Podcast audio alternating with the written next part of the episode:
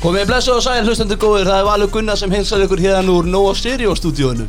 Tíu hjartanir eru mættir aftur og í dag ætlum við að taka fantasy umræðu.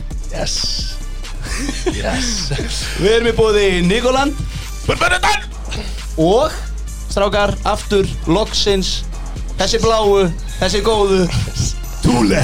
Svelgaldi, svelgaldi Ekki teindamöðubósan Herðu, ég er sem sagt að stýra þættinum í dag og með mér í dag eru Birgir Þór, Þorkell Magnússon og allaveg frá eiginstöðu með okkur á Skype, Mattias Tim. Hvað segir þið strákar? Yes Sá neldi eftirhermun Ég hafa þetta að gegja sko. Já. Ég var líka að hlusta tvær upp að, eða byrjanir árið í kominga. Undurbúði Ég hérna, wow, ég er bara smá svona threatened Nei, þú þarfst ekki að vera það. Herri, hvað hérna, hvernig hafið það strákar? Ég hlakka til að sjá, að heyra í bygga Hann er núna komin í heitasætt Hann getur ekki lengur setið hann og dreift bara áherslunum yfir okkur hinna sko. Nei, nákvæmlega, ég fer að henda á hans spurningar. Spurningum. Ég hérna, ég er mjög góður Þú veist, það er einn sundar í það Oh my god, einn sunnudagur í þetta. Hvað er liðið? Það eru 12 dagar í fyrsta sunnudagsleikin. Það er galið sko Já, Við erum sko komin nýri nýju dagar já, ég ætla að segja Níu dagar í fyrsta Fimmtudaginn. leik. Fyrsta leik Níu dag Hann næstu í ein vika. Það er- það það rúmlega ein vika.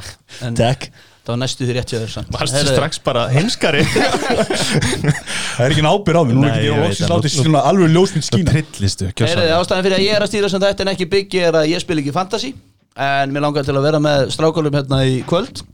Og við erum að taka þetta upp á þriðjöldagskvöldi og þetta áttu að vera svona frekar skemmtilegur og rólegur þáttur. Þá bara kom allt í einu sjö fréttir nýjar bara í kvöld. Já, það er gott að vera að taka upp í þetta Ég Það er því. að tala Já, sammála því. Hérna, ég ætla aðeins að byrja að nefna það því að við tókum upp hérna fyrir rúmri viku. Já, já á sunnudeginu fyrir viku. síðan, já. að það er búið að kötta Earl Thomas. Hann var í vesinni síðast við rættum saman. Hvað finnst ykkur um það að Baltimore hafi bara sagt skilu það? Mér finnst að segja svolítið mikið bara um stöðu Earl Thomas og Baltimore fyrir þetta aðtökjurunni Já, nú, búin- þetta er eitthvað er eitthvað meir en bara þetta eina Ég er að segja það, ég að segja það. Og hann, var- en hann las, ég lagst að hann hefði sko mætt seint á æfinga því hann þurfti að bóna bílinn sinn. Já, Jú, jú hann hefur verið orðin bara á allt og hrókafullur Ég segja það, bara góðu með sig.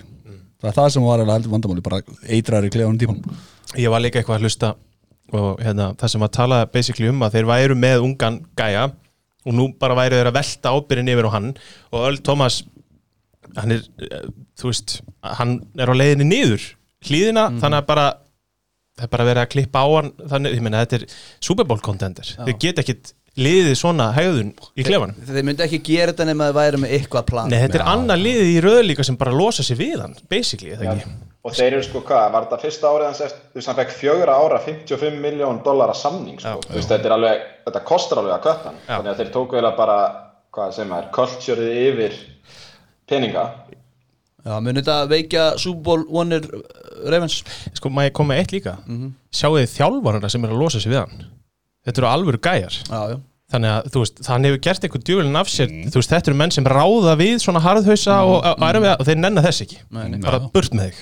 Það er stórt, sko. Kanski ráða við svona harður þess að út af því að við nennan þess ekki Þegar vita. Já, það getur En hvað segir, er þetta að veikja mikið Super Bowl vonir Ravens?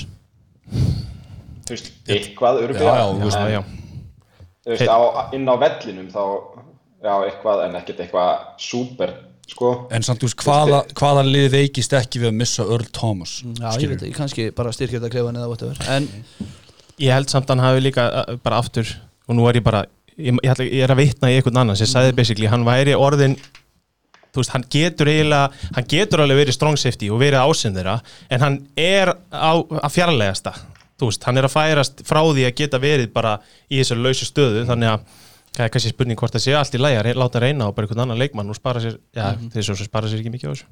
Ok, en talandi bara um köttaðir þá hérna Jackson Jaguars.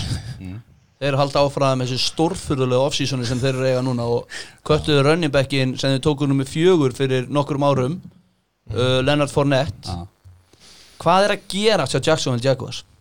Þeir gátt ekki fengið 7th round pick fyrir hann. Þeir gátt ekki fengið neitt fyrir Leonard Fournette. Nei, Það er galið það segir svolítið mikið. Hann átti fínt tímabili fyrir, hann var með eitthvað 1500 hjarta í allt í allt. Allt í lagi, já, já. Það er ekki træðilegt, en Nei, ég meina nei. það er samt bara þannig að hann, Og hann þetta er leikmaður sem að maður hefur ítrekka sagt, hann þarf allt pláss í heiminum. Hann, hann- einn jardi, einn jardi, einn jardi 70 hann, jardi sko, hann átti 200 og eitthvað hjarta leika mútið Denver í fyrra, ég hvað munið þetta Já. Ég muni ekki eftir því þegar hann átti 69 hjarta run Já. sem var, sem var sko 15. rössi hans í leiknum en klára samt leikið með 67 hjarta Já, alveg rétt það er málið með elsku drengin sko. Þetta er náttúrulega bara auðljóst að það þetta rebuild stús hjá Jaguars Hvena getum við fara að kalla rebuild tank?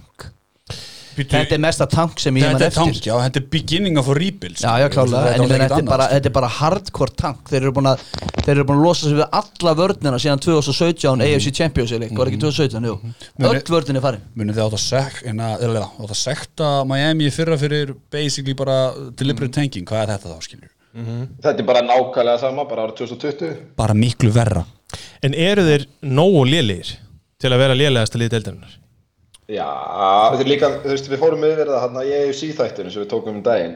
Þeir eru sko með brutal schedule. Já, Þannig að þú veist, ég er ekki tissa ef þeir fengju bara engan sigur. En í sambandi við Fournette, það er ógeðslega að fyndi tölfræði. Maður hugsaði ekkert um hann sem svona leikmann en það voru tveir running backar sem voru með flest reception í liðinu sínu í fyrra. Það var Christian McCaffrey og Fournette. Það er óvart. Hva, Sorry, Kalli, hvað er haldið enn endi? Tampa Já, ég get eða, ég tekum það. Ég las ekki stöður dag að hérna, LA er ekki alltaf stöðan það var smá hugmyndum myndi farið LA Rams. Uh, Chicago misti David Montgomery í meðsli en það er meira hæp um það að Devontae Freeman farið þangað sko, það þarf að fylla upp í runningbækstöðunum það, það er ein runningbækinu Terry Cohen sko. Uh, ég er samt því saman, ég held að það sé Tampa ég held að hann haldi sér bara sögur frá. Svo reynda að ég einhvers staðar Miami, ég minnst það mjög hæpið minnst það mjög hæpið, já, ég held að ég held að geti ekki verið.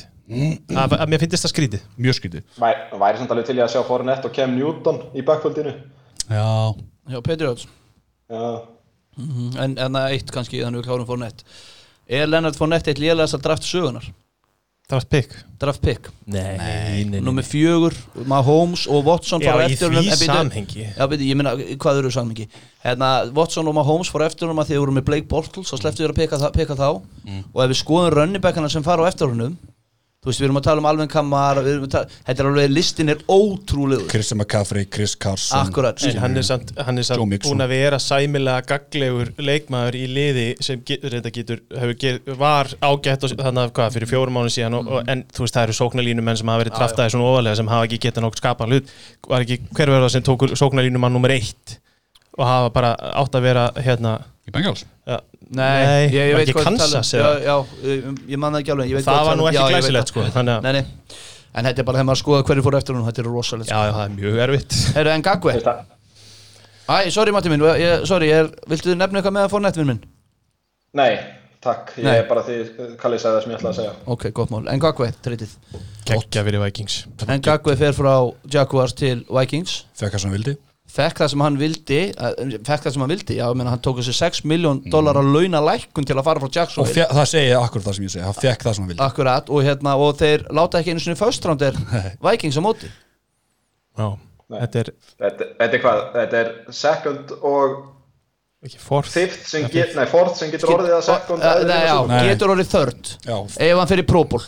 Og, og nei, sko, ef að þetta- Vikings fyrir Super Bowl sko, þetta er fifth þetta getur orðið eða fyrir Pro Bowl og getur orðið third eða fara í Bowl og Pro Bowl.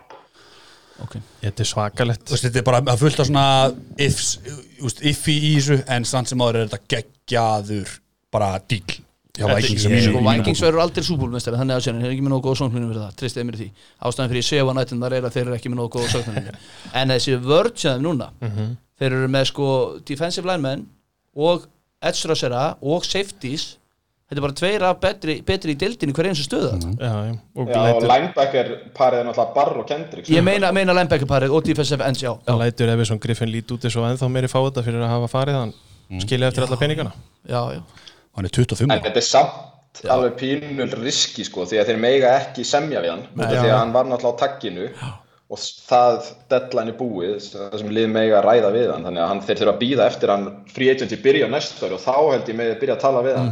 En þetta er bara svo solid lið og ég er hrifin af Simmer og ég held þetta sé bara það, mér finnst það ekki skipta máli. Ef þeir halda að þeir séu contender lið þá bara er, var þetta frábært dýl fyrir Vikings ef þetta- þó þetta sé ásrendal það er bara, þú veist, þú þá bara að fá talent í eitt árin, ég trú ekki að öðrun er að gera eitthvað samning við hann, eða reyni allavega að semja við hann þegar það er hægt en hérna svo við höldum áfram þá að mínum að þetta stæðstu fréttinar í dag er að Alvin Kamara er í holdátti við New Orleans Saints. Maður bara koma einu að hérna að því að lesa ég, sagðu þið að hann, sko, Fournette var ekki einu sinni tekin af waiver, hann er bara free agent. Já, Já. við nefndum það. Var enginn sem bara tók hann. Er ekki- Hvernig ekki ennþá. tók hann enginn? það er ótrúlegt. Já, veist, fó, uh, ég held að liði vilji bara freka bjóða honum bara Bara- eitthvað láglauna drast samning í stæðin fyrir að taka þessa 4,1 miljón á sig sem hann er kemur, með. það kemur bara óvart að ekkert af liðunum hafi ekki tekið þetta á sig. Skjóti inn smá, Joe Mixon samt líka. Já, já, ætlum að nefna það. Það? Er það? Er neðst, já. Fyrirgefðu, ég er En mér finnst bara stærri fréttir og þetta finnst mér stærstu fréttinar Alvin Kamara sé að hold out við Saints. Sem er að tala um að treyta. Sem er jafnvel að tala um að treyta bara einu besta raunum ekki dildinni Þetta er hjút þetta er reisastótt, þetta er bara gerist þess við- bara þegar þetta tekið þá getur eitthvað, komið. Ég menn þetta rugglar í alvörunni í þessum þætti. Já, því sem við erum að gera þetta. þetta fokkar í því. Þetta er 100% já, já, og þeir voru einmitt eins og við segjum bara rétt fyrir þátt þá komi, var ykkur að tala um að þeir voru til í að treyta honum. Mér finnst það alveg Ég held að fráleitt sko. Ég, ég bara kaupið ekki sko. Nei, nei, Eh, ég sérstaklega ekki með að við hæpi bara- sem er í kringum að hann sé bara að koma sæmilugur tilbaka. Í raun og veru heill. Hvað segir um þetta? Já, ég ætla bara að segja, ég held að þetta sé bara svona plott í samningavirðanum, þú veist, fréttir segja sko, hann vilji vera nær Christian McCaffrey í launum sem er 16 miljón ári, heldur en Mixon sem er 12, þannig að þeir endur glá 14 þú veist, þeir segja hann sé að holda át, hann segist ekki vera að holda Já. át Hann segist kom verið á staðnum allar æfingar og allt svoleiðis. Hann hafi mætti í hús og þetta er eitthvað alveg mega skrítið sko. og sagan segir sko, þeir séu alveg tilbúin til að gefa honum 12 en hann vil hann þessar nær 16 og þú veist, ég veit ekki alveg þetta er svo skrítið fyrir Saints, því að þetta er þú veist árið sem þeir vilja vera all in með Drew Brees og Alvin Kamara alltaf risastór partur af Super Bowl rönninu þeirra, þú veist, þú vilt ekki fara með Latavius Murray sem run, aðal running backin inn í síðast ári hjá Drew Brees. þess vegna finnst mér þetta að vera stærstu fréttinar af því að þetta myndi bara vera svona rosalegt dýr fyrir lið sem að margir telja bara með líklega liðin til að fara í súból mm. áhugavert. En þeir, en þeir vilja first round pick, þannig að ég veit ekki hvað lið vill eða first round pick í running back og borgunum síðan 15-16 miljónir mm sem er nýbúin að vera meittur Nei, nei, þú veist, þetta, eins og þú segir, þetta er ekki glæsilegt að vera með Latavius Murray, og okkar allar besta Ty Montgomery og bak við hann sko. Ég meina það er bara, það gengur ekki upp sko. þó að ég sé ágættis Latavius Murray maður sko. pæli samt í, því, þeir gáðu Taysom Hill 21 miljón fyrir 2 ár Já.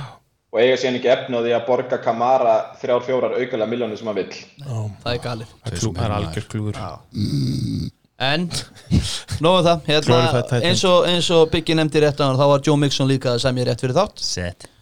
Og hérna og er það ekki bara gott fyrir alla? Ég minna hann er, þetta er bara einn af tíu bestu raunabekkum í deildinni við erum sammála um það. Vannmetin Hvað var þetta, fjögur ár 45? já.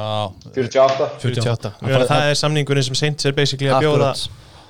Kamara. Kamara. Mér finnst það flott til Joe Já, ég menna bara geggja fyrir Bengals. Læsa niður einn af bestu sóknarleikmenn það er líka bara eins og, eins og þú veist, Hjálpa Joe Burrow bara næstu fjögur þeir eru ári náttúrulega græða því að þeir eru með Joe Barrow næstu fjögur árin á, á rúki í samning nákvæmlega og líka í þokkabót ég meina eins og uh, Kristján McCaffrey fækka 16 miljonar ári hann Kristján McCaffrey er leveli heldur en alltaf Joe Mixon, já, ég veit það. En það er svo auðvelt fyrir Joe Mixon að henda í já ég vil fá meira að borga en hann, ég er sama leveli, bla bla bla þannig að það, þetta kemur smá respekt á Joe Mixon bara svona, hann tekur what is, what is worth góð punktur. finnst ykkur, finnst ykkur þetta sangjart munur á McCaffrey og Kamara?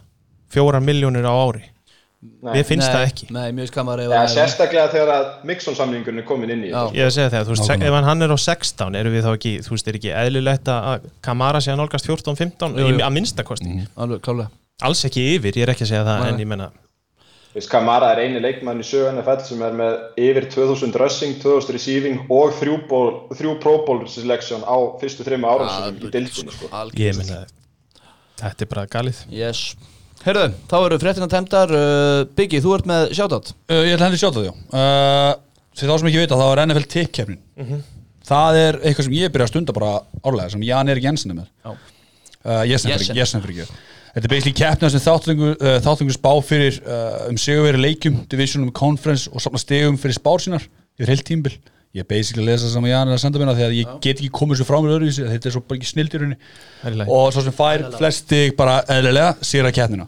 Keppnum við fram í gernum við Facebook í hóknum NFL tippkeppnin 2020-2021 og það er að finna allar annar upplýsingar. Þetta er sko skáningjaldi 2 og 5 Já.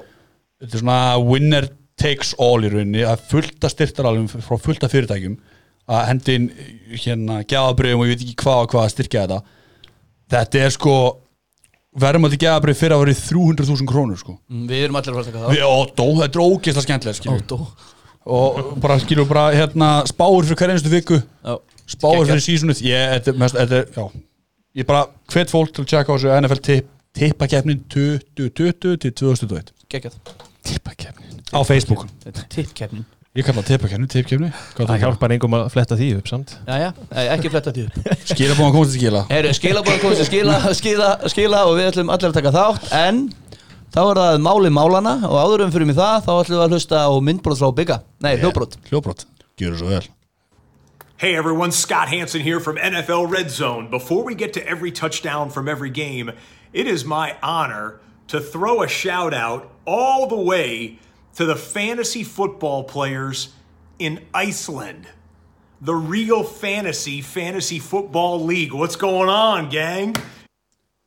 What's going on gang? Þetta er rosalegt. Þetta er fantasy deild á Íslandi sem að fekk engan annan en Scott fucking Hansson sko. til að, til að ruggla draftröðin eða draga í draftröðina fyrir fantasy þeirra. Veist, þetta er svo, sjátt á þetta Elmar bara félagin sem sendir mér þetta þeir fengur Scott Hansson já, eins og Valur segi að raða drafturinn fyrir draftu þeir í fantasy.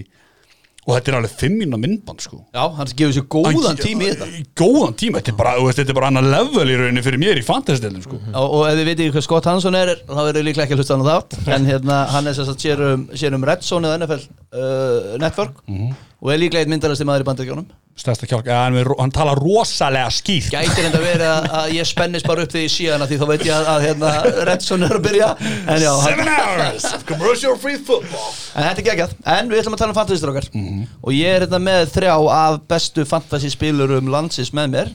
Allavega neytir Tvo, tvo bestu og bygga tvo bestu og bygga og hérna við erum búin að skiptist upp í nokkur topic og við ætlum að ræða þetta. Og ég ætla að stýra þessum umræðum þar sem ég spil ekki fantasy. Já, ok. Uh, ég ætla að ganga rauðina og ég ætla að nefna nöfnin ykkur og þið byrja að svara og svo bara heldur þetta áfram kolla kolli. Biggi, þú átt fyrsta pikk í, í, í fyrstu spurningu. Yes. uh, það er spurningin svona hver er ykkar gæi í fantasy? Þú veist, hver er ykkur sem að þið sjáu ykkur drafta oft, aftur og aftur ár eftir ár og af hverju? Biggi. Uh, sko, ég satt sem að voru að pæla í þessu. Fyrir mér er það Austin Eckler. Ég, ég sko, tók hann sín tíma þegar hann var undrafted uh, þegar hann var að byrja að sína sig fyrir áttamælinn Gordon. Og ég bara fíla hann, þetta er svona underdog típa sem allt í henni var síðan bara starter, hefur búin að taka í rauninni starfið af Melvin Gordon sem er nú bara farin úr frá Chargers. Þú veist, hann var með 90,3 fantasy points average í fyrra í leikjum. Þú veist, þetta er bara svona algjör hvað segja, þetta, þetta er easily running back 1 í fantasy-liðinu hann var í Cooper líka hann er svona fæði svona smá honorable mention um mér. En það er alveg því ég tók hann það fyrir Raiders. Mér fannst alltaf að vera svona smá underdog á sín tíma þegar hann var Raiders. Þannig að Austin Eckler er þinn maður Kalli. Hver er þinn maður og af hverju? Eh, sko, ég, ég hugsa þetta bara út frá þessu tímabili. Ég, hérna, ég er með tvo sem að ég er að fara að hérna, eldast við og svo er ég með svona aðeins í kring. Uh, ef, að, ef að ég get fengið DeAndre Hopkins í annar umferð þá ætla ég að taka hann hann er, hann er average draft position sko, nummer sjö í annar umferð sem er fráleitt af því að hann er að fara til Cardinals þar sem hann verður ásinn í hólunni og ég er að elska það. Og svo er ég með sko Stefan Diggs. Ég ætla að elda upp í Stefan Diggs ef ég get pikk nummið þrjú í, sjöttu umferð. Í sjöttu er average staff position á honum sem er stjórnlaust. Af því að ég er rosalega hrifin af sókninni hjá hérna Bills. Og það, ég menna ef, að þú, ef ég get stó ég á eftir að eldast við henni í fymtu ég geti allt eins síðan mig taka hann ef, að- ef mér líst ekki á hann ef það er búið að taka allt í fjóruðu Já. kipp ég mér í tek ég Stefán Diggs En maður spyrir henni, nú er þetta tveir white receivera sem er að fara í nýtt lið og búið að vera skert off-season. Þú er ekkert ágjör að playbookið muni Nei, Nei? ég bara, DeAndre Hopkins er bara fótbolta heili, ég hef engar áhyggjur á honum hana og ég held að Stefan Diggs verði bara svo ótrúlega mikilvægur og hann þarf að sanna sig hans upp og nýtt því að hann er búin að vera undir smásjóni og ég held að ég sé að gera góða hluti hérna tvo, þeir eru að lappa inn í, í ásinn í báðum þessum liðum. Og bara eins og ég segi með Stefan Diggs ég kemur með hann aftur og eftir það því að þetta er galið þegar hann sé að falla niður í sjöttum Ég er sammála því. Matti, hver er þinn gæi? herriði, ég er búinn að tala um hann nokkur sinnum hjá okkur, en það er DJ Moore. Hann verðist vera hjá mér alltaf þegar ég er að mokkdrafta eða drafta í lok þriðju eða byrjun á fjórðu umferð. Og þú veist, ég vil yfirleitt ná í tvo running backa í fyrstu tveimur umferðunum. Og þá veist mér geggja að hafa hann þarna, þú veist, hann er að fá fullt af targets í þessari sókn hjá sem Panthers er að byggja, liðin mun þurfa að elda lið og kasta meira. Og þú veist bara Teddy Bridgewater er akkurat þessi típa sem hendar honum. Ég er búinn að, að ræða þetta tvisar eða þrisvar áður. Þú veist bara hann fekk þrjá- 135 targets í fyrra og yfir 1000 hjarta með Kyle Allen sem quarterback. Þannig að DJ Moore er minn maður maður kom inn á eitt og ástæðan fyrir því að ég er með DeAndre Hopkins er að ef þú ert sagt, aðna, kannski ofalega í fyrstu og þú ert að falla neðarlega í setni kannski fjórða, fymta pikka eitthvað svoleiðis þá er búið að taka alla bestu rauningbakkana, þeir eru hortnir og það sem er þarna í kring í draft position eru quarterbackar og tight endar.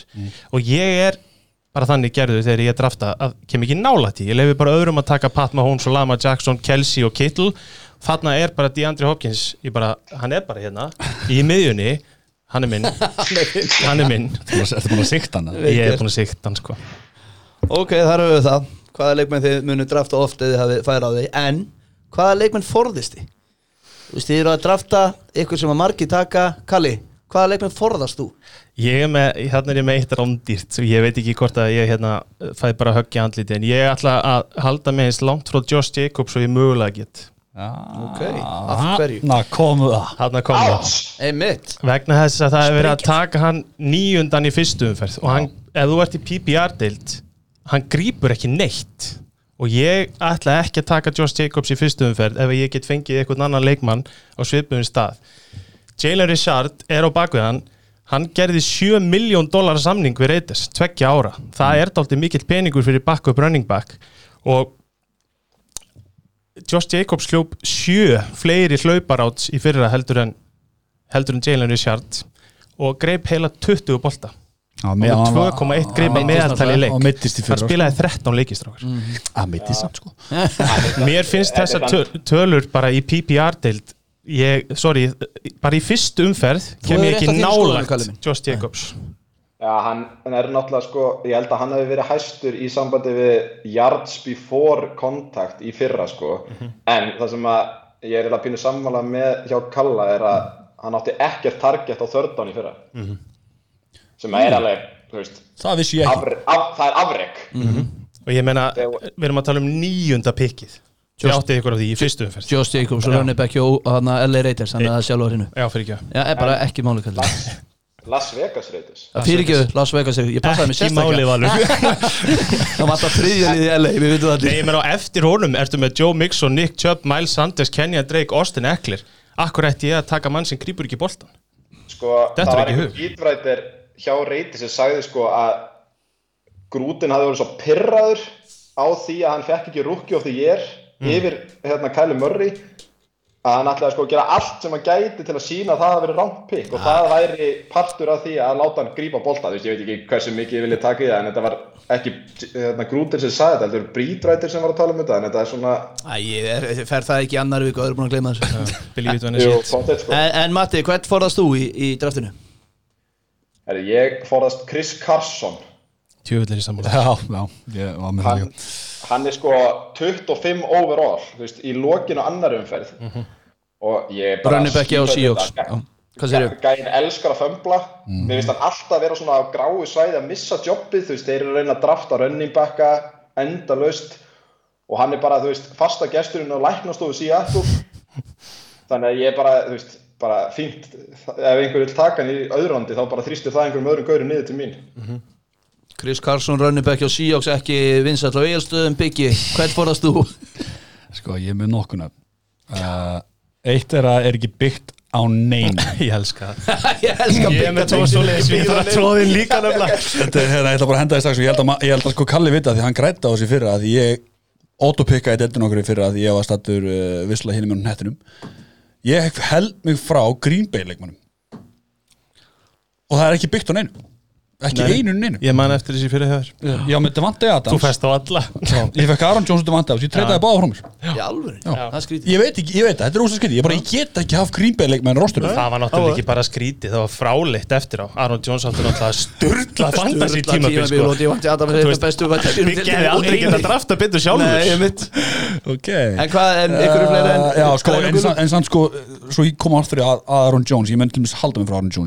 Já, ég Ég til frá Af Ok. því að það er verið að breyta sóknin A.J. Dillon er tekin hana í second round hjá. Green Bay sem því að það mun shiftast aðeins meira þá uh, hvað að segja, receptions til hans versus Aaron Jones ég veist að segja mikið Ég sérstaklega í PPR-dild Já, ég held að Jones fáið fleiri köst núna heldur en það? sko. Já, ég held ég held að A.J. Dillon fái aðeins meira að gera og taki eða frá Já, e- já, ég held að AJ sé lítið að fara að grípa AJ er að fara að hlaupa og Jones geti fara Ég sé, hann er að hlaupa, en það er já, reception, já, skilur. já. Já, hvað segir Matti? uh, sko, ég held nefnilega í sambandi við þetta með Arnold Jones, þú veist, ég held að Dillon geti stólið svo mikið af þessum touchdown sem gerði hann svo verðmættan í fyrra, sko. Já. Já. þú veist, þó hann grípi eitthvað, það er allt í lagi, en hann þarf þá að grípa hann sem mörg touchdown til að bæta upp fyrir running touchdown sem hann er að missa, sem að það trubla mig svolítið. Sko, nú ætlum ég líka að koma með eitt hérna Hann er á mjög heppilegum stað Hann er í raun og veru síðasti gæða running backin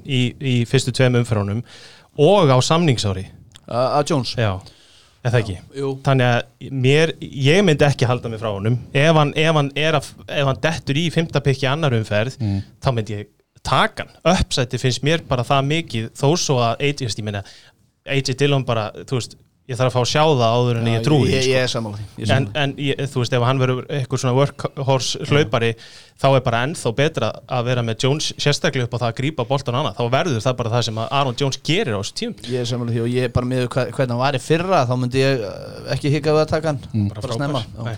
Uh, næsti, James Conner Con Air. Con, ok, Con-Air Þau eru sem myndina Con Air? Myndu það þannig. Ok. Con Air. Hann er á svipuðum staði mitt og Chris Carson. Þeir eru teknir saman hann. Og, og nafni sem ég sé rétt á undan honum er Chris Godwin. Ég myndi alltaf taka Chris Godwin og vætir síðurinn og Tampa Bay fram, alltaf fram í James Con James Con er running back hjá Steelers. Já, Já. hann alltaf líka hefur aldrei klára heilt sísón Mér, mér, maður kom með eitt hérna, því að þú varst að nefna hérna, Godwin Mm. að ég hérna, áðan í hinnu punktunum þá er ég með Mike Evans. Já, ég myndi Í- í hverju? taka oft? Já, Já. Í, núna er hann fjóraða pikk í þriðjumferð ég myndi einmitt leifa Godwin bara að fara eitthvað annað Mm. og taka Mike Evans að því ég held að Mike Evans fyrir Tom Brady gæti orðið svakalugur ég er akkur auðvut Ég, já, það er bara, ég gerði þetta líki fyrra. Þá var, hérna, voru við á sikkur. Þá var ég með Samuel hjá Carolina og Matti á með Mór Mm. Þau svo, svo sem endi á sama stað en ég, ég er á Mike Evans lestin í ár af því að hann fellur aðeins. Mm. þá myndi ég reyna að ná mér í einhvern annan leikmann í annar umfyrir og nýta það ekki og fara hann setna þá fyrir já, minna valuable pick. Góð búndur mjög góð búndur Ok. Ég er með tvö nöfn hérna sem make ekkert sens en make samt að forðast. flesti séu sammála mér. David Johnson Já. Já, já, just, ég ætla ekki að koma nála tónum hann er meðsla hrúa og sóknarlínan getur ekki nokkuð skapaðan Og hlut. mér, mér finnst einmitt svo algengt að fólk svona tegi sig í fyrrverandi geggjaða leikmenn að því að þetta verður árið sem komið tilbaka. Já, svo í sjöttu umfyrir hugsaði bara nei þeir komið Ég menna maður er búin að vera að tegja sig í hann í þrjú ár. Já, Hann Ég- er bara búin að vera skelvilegur Og svo bara þannig ég ætla að klára Melvin Gordon á bakvið Lindsay.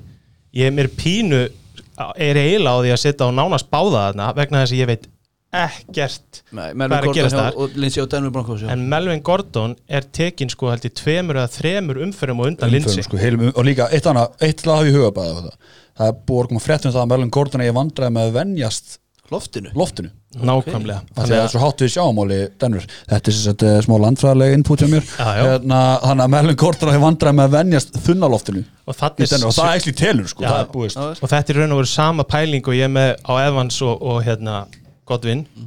Þarna bara býð ég. Tek Lindsay. Mm. í, í sjöttu eða sjöundu hvernig sem hann var, ég man ekki nákvæmlega hvað hann var. Og læt Melvin Gordon vera með hvernig, hvernig hausverkurinn er búin að vera í kringum hann. Hann alltaf eiðilaði bara hann, hann eiðilaði tímabilið fyrir, svo kom hann tilbaka já, og og, skemmti bara ennþá meira. Matti, varst þú með eitthvað að teka á þetta? Já, þú veist, eh, já, ég er með einn annan leikmann sem ég var með, það var bara að Gronk sé sko tætend hvað, 7-8 í sjöundu umferði sem er gali sko. -hmm. Þú veist, út af því er bara það sem að Kalli var að segja með Evans, með Godwin, Þú veist, ef að Gronk er ekki að skora touchdown fyrir þig þá er hann að fara að vera donut En ég meina, en segir það ekki bara mikið um tætenda í þessari dild? Jú, jú, í rauninni og hérna, ég er alveg sammálaður í eina, eina leiðin til þess að ég myndi ná mér í Gronkowski væri, fyrir, fyrir utan það að ég gæti aldrei samþýtt að fyrir sjálfum mér að vera með tvo tætenda ég myndi aldrei treyst honum til að vera eini tætendi minn. Og það var ekki nema hann bara myndi gjössanlega hrapa bara einhvert neyri 10. 11. 12. Já, fer bara upp á flippið Já, sko. upp á flippið nákvæmlega. Upp á uppsætið, sílingið einmitt, bara upp á touchdown. Uh, sorry, hérna, þú veist, hérna, maður verður bara líka að hugsa, þú veist, hvað er þetta að fórna fyrir þetta, þú veist, það eru gæjar fyrir aftanan, þú veist, Tyler Boyd, Will Fuller, Brandon Cooks, þú veist, og svo eru gæjar sem að, þú veist, Jarvis, hérna, Jarvis Landry, og þú getur bara beðið þangað til einhvern veginn í 13. umferð og náðið bara í Chris Herndon, TJ Hawkinson. fyrir utan það að það eru bara, það eru bara mjög frambærilegir aðrir tætendar hjá Tampa O.J. Howard O.J. Howard er þarna, þú veist það er, það Cameron Braid. stjórn, já, Cameron Breytin og ekkit ömulugur tætend, þannig að það er, mér finnst galið að vera að taka hann sem sjöunda tætend, hugsið ykkur. Út að drafta nafnið Já, ég meina, þetta Það er er náttúrulega 100%. bara Patriots Nation er ábyggilega ídónum upp um þrjár umferðir, Já, ég er ekkit að búa það til, sko. Já, En já, þetta eru svo leikmenn sem að þið að forðast samkvæmt uh, fantasy sérfræðingunum og bygga og sem hérna, sko, og hérna þá ætlum við að fara í þá ætlum við að fara í third topic en það er sem sagt hérna og við erum að miða við 0,5 ppr til, eða ekki, eru við ekki að segja það svona cirka Ég er með bara Jú. PP Er það með, er það með 0.5 eða? eða ekki?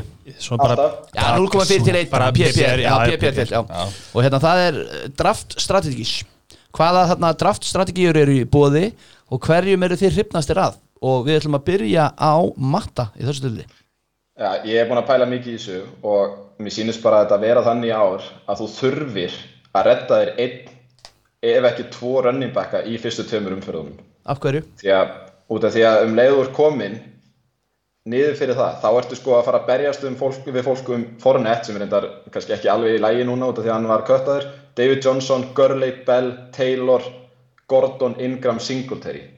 Vist, þetta, þeir klára þessa top hérna, 24 sem er þá RB1 og RB2 og ég þarf einn eða tvo af þessum stóru running backum til að finna slið mitt allt í lagi þú veist, ég fórna Thomas og Adams og Hill og Jones og félögum fyrir þú veist, það að vera með tvo running backa og negla síðan bara á running backa í 4., 5., 7., 7. Þannig að wide receiver korið í ár er miklu dýpra heldur en running back korið í ár. Já, ég, það, er, það er líka bara þannig með svona óvenjulega mikið í topp 20 af rauningbökkum þú veist, það, það veriðist bara vera það að fólk sé að fylgja því nákvæmlega sem Matti er að segja. Það er bara, þú veist, ég meina hvað er þetta? Þetta eru af efstu átján er þetta þetta eru 14 running backar sem er að fara í fyrstu átján pikkunum og þá er þetta bara þá ertu bara óheppinu og átt pikk nummer eitt sko. Eitt smá, Þú veist, þá- eða tvö kannski frekar. Smá innskotina Líka á þetta með David Singleton til þess að væri svona nokkuð þegar síðast running backin sem væri þessi running back 1 svo sem má segja. Að því eftir þetta ertu komin í svona handcuff uh, skástrík unproven running back pælingar. Handcuff náttúrulega fyrir þá sem ekki vita er uh, running back basically fyrir aftan startin eins og hjá uh, Cowboys er það Tony Pollard fyrir aftan Ezekiel Elliott eða Alexander Mattisson fyrir aftan uh, Dalvin Cook og Latavius Murray fyrir aftan Alvin Kamara. Þessi leikmað sem kæmi þá inn í staðin eða meiðist eða holdout eða etc skilju og það áttu svolítið mikið að treysta á eitthvað sem er náttúrulega bara já, mesta klárlega. maybe í Akkurat, heimi skilju akkurat. eða, eða þá var komin í svona committee running backan eins og San Francisco. Það sem það bara veit enginn í raun og veru. Hver að þeim í hverjum leik ef það er tampa skilur. Hver að þeim á eftir að vera ásinn? Það, ég er alveg sammálaðir en það er svona einn og einn sem hafa dotti eins og Lindsay sem er alltaf í lagi að taka en ég myndi ekki vera neitt geggja ánæði með hann sem running back 2 Nei, mér, mér, mér, svo ertu með rookies sem að getur sprungið. sem að út. getur sprungið út, sem er alltaf uh, það er bara upp og niður sko. Þannig að mér heyrist þið vera sammála um þetta en segir mér eitt, það fyrir svona einu, tveimur árum þá virtist vera svona í tísku að taka bara sleppa running backs. Mhm. Er eitthvað svona trend í gangi núna eða, þú veist, ef þið eru með mér í deild, endilega gerir þið nei, skiljið hvað ég meina, er eitthvað svona trend í gangi, munið þá bara takið í væri já, já, sífara taka fyrstu tvö, hvað var það Matti? Er ekki bara fyrstu fjórum eða eitthvað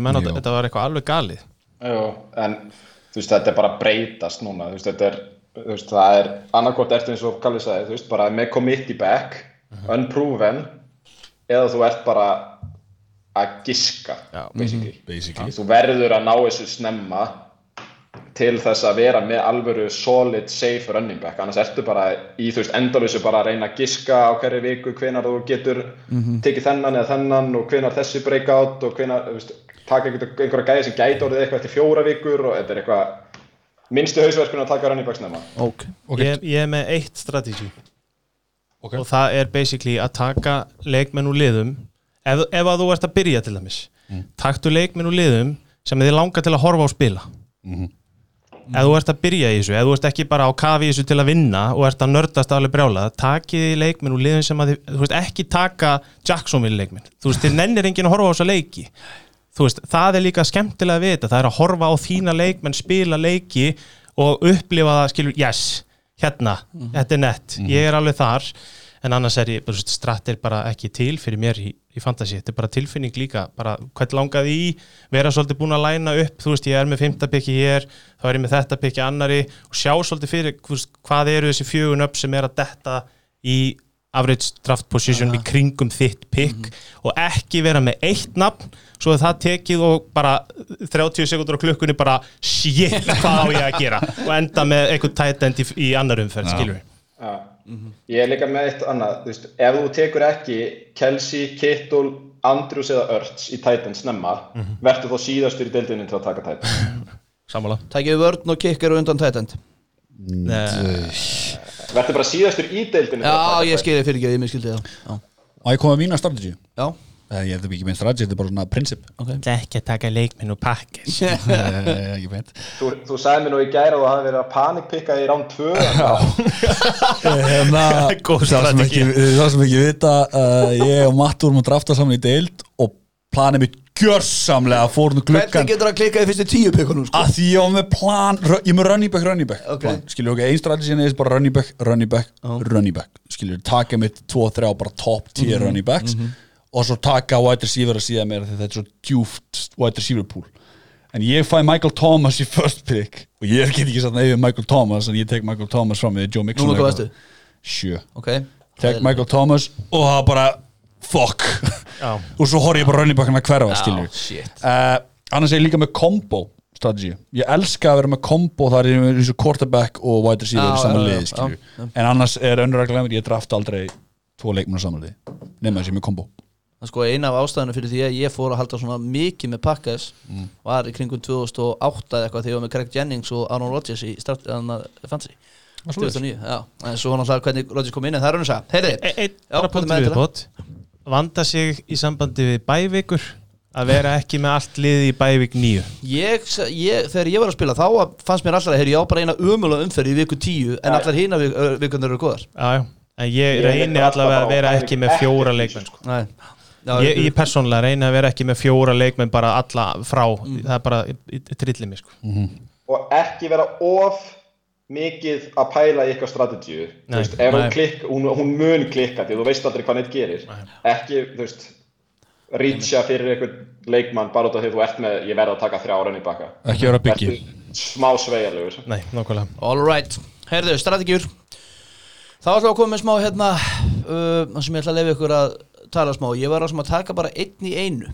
Og þannig að þið útskýri fyrir okkur ykkar drauma draftbyrjun Þú sá er ég ekki að tala um að þið tæki hérna alla bestu fimm McCaffrey, Kamara, næ, sorry, ég var bara undirbútaður og hérna, og, og Mahomes og ykkur að gæja í fyrstu fimm eða hvernig það er. Heldur hvernig sjáu þið fyrir ykkur drauma fyrstu fimm umfyrirna hjá okkur? Biggi, þú ætlar að byrja. Engi pressa. Nei, sko, ok ég, ég, ég finnst mjög óþægt að drafta fyrstur. Mér finnst ömelt að vera först óról mér finnst það skellilegt en eins og þessi tilfelli til að hafa svolítið svona þægilega ég er frá að gera núna sundaginn ég er Já. tveindilinu först óról obvious choice nummer eitt náttúrulega er Kristján McCaffrey. Ok, auðvitað það draum að drafta enda með Kristján McCaffrey. Síðan alltaf eftir næsta pick, tökum bara þessu tíman deilt þá er næsta pick nummer 12. Tó, nei, Nei. nei, með 19 19, Þetta er Snake, snákurinn Hvað er það margir? 1 og svo Tíu. 19 Já, fyrir ekki, ég held, já, fyrir ekki. 19, þar eftir er alltaf bara draumurinn minn upp á sleikum, Austin Eckler.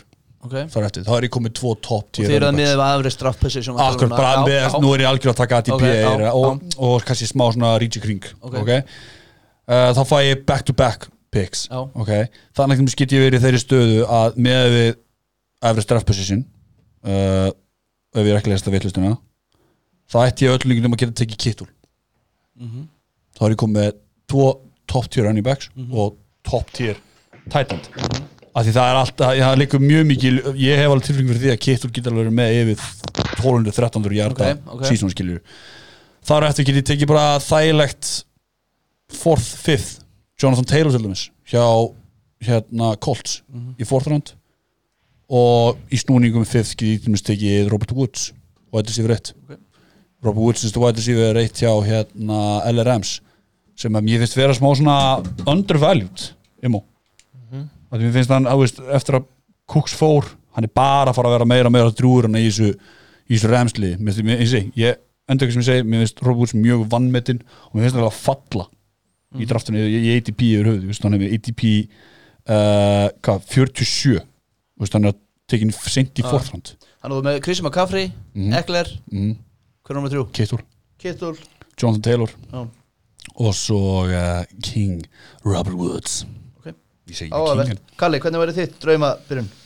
Sko ég var með Alvin Kamara nummer 1 og ég er náttúrulega er ekki að vinna þetta út frá einhverju ákveðnu piki, ég bara svona setti mig ekstar í miðjuna og sá fyrir mér þetta væri draumurum minn, þá væri að lenda í því en Ok. obviously eins og staðan er í dag þá myndi ég náttúrulega ekki poti hann með priki sko, þannig að ég er að hugsa að ég myndi vilja ég væri til í Dalvin Cook nummer 1, eða þú veist í fyrstu umferð uh, draumurinn væri Egeler í annari uh, Adam Thielen eða Odell Beckham í þriðju. Mm. og þetta er raunhæft, þetta er á þessum svæðum. Svo er ég með svona pínu upside pick 2 í, í fjóru og fymtu og, og, og með svona sá fyrir mér þannig að ég kom með tvo raun í bakka að taka AJ Brown og Kirtland Sutton í fjóru og fymtu I like that. Ég er svona smá smeg, ég var að má ég koma innbútina í það Já. Ég er, ég er ekki alveg seldur á 17 í þessu. Ég, það er fráleitt að þeirri nei, en af, hver, af hverju er það frálegt skilur? Því ég, miður hvað hann var ógjöðslega góður á fyrsta sísónu sinu. Nei, hérna í fyrra, ekki fyrsta sísónu Að hérna, þá held ég að vera bara betur núna.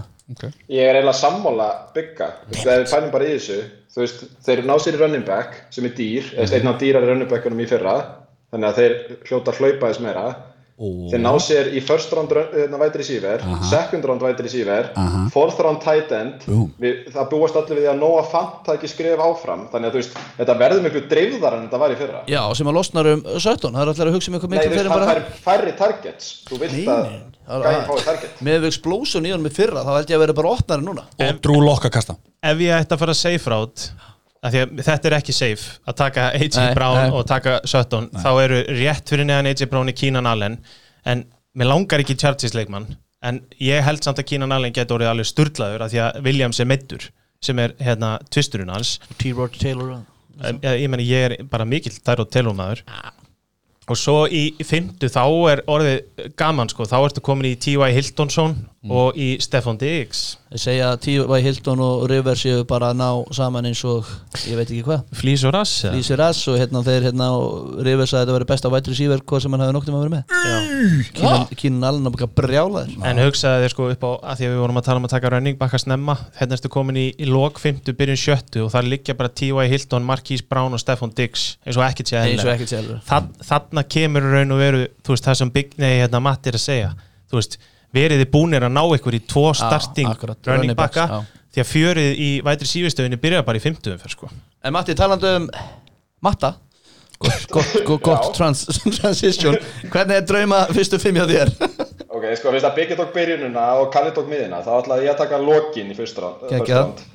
Þannig að ég var að hugsa bara að taka Joe Mixon í lokin á fyrstu, þannig að ég var í byrjun á annari, þá var það Miles Sanders hjá Eagles, sem á bara að vera víst, bara workhorse og þessi vætri sífjörar er að falla bara þessa dagana.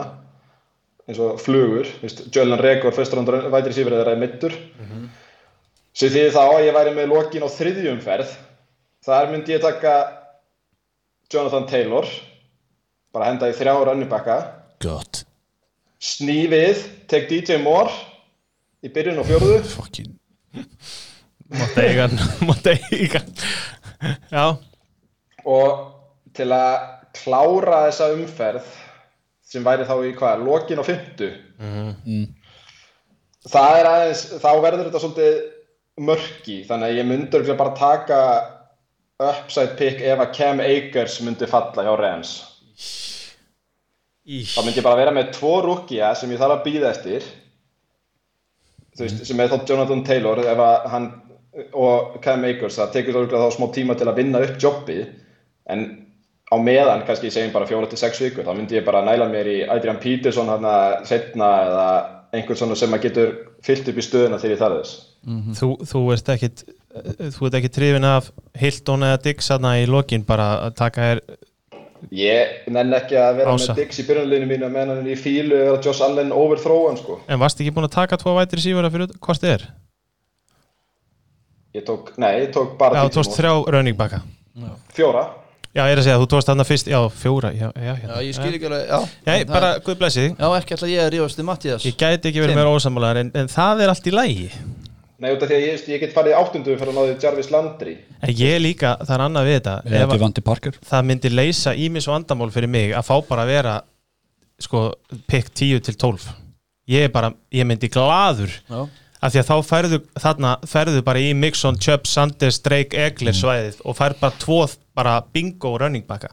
Hendur mér í síðasta pikki í þessar umferð bara allan daginn sko losna, við, losna líka við hausverkin þá bara veistu það. Ég er bara ekkert að fara í fyrstu sjö running backana það er bara búið að taka það að mér.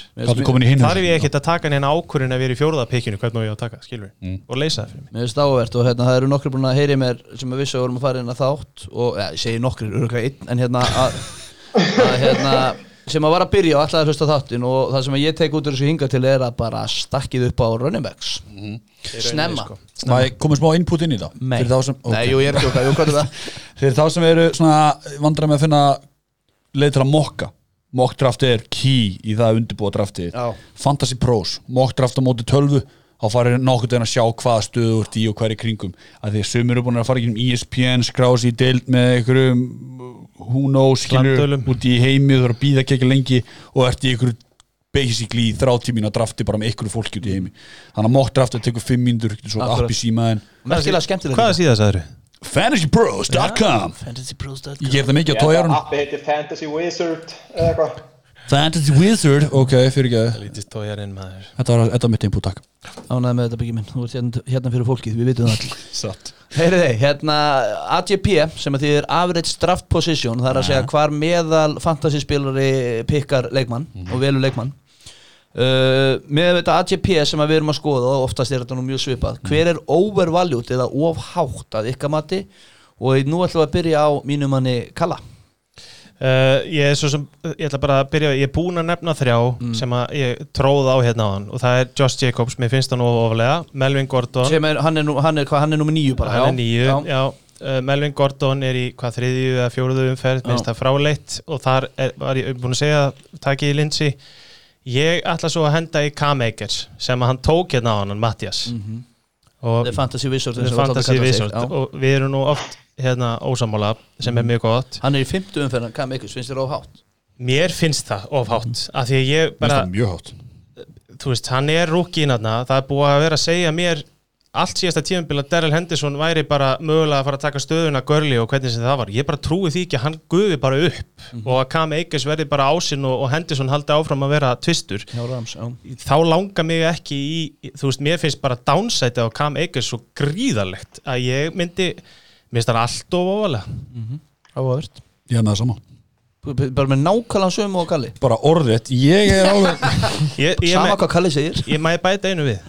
Josh Allen í áttundu umferð er fráleitt og bara þeir sem eru í því bara, bara joinið í deildina mína sko. ég mig finnst galið að sækja Josh Allen í áttundu Þú veist nátt af hverju hann er svona hátt. Ég, þú veist, hann er náttúrulega bara með frábært vætri síðvíkur Rushing uh, champion. Já, já, en ég meina, come on maður. Þú veist, þú ert að taka á því tvö fumble í leik, sko. Ok. Hann er náttúrulega goal line backin eða líka við sko. Já, ég er bara, ég er bara, láttu mig í En frið ég er sammálað þar, ekki sammálað með Akers.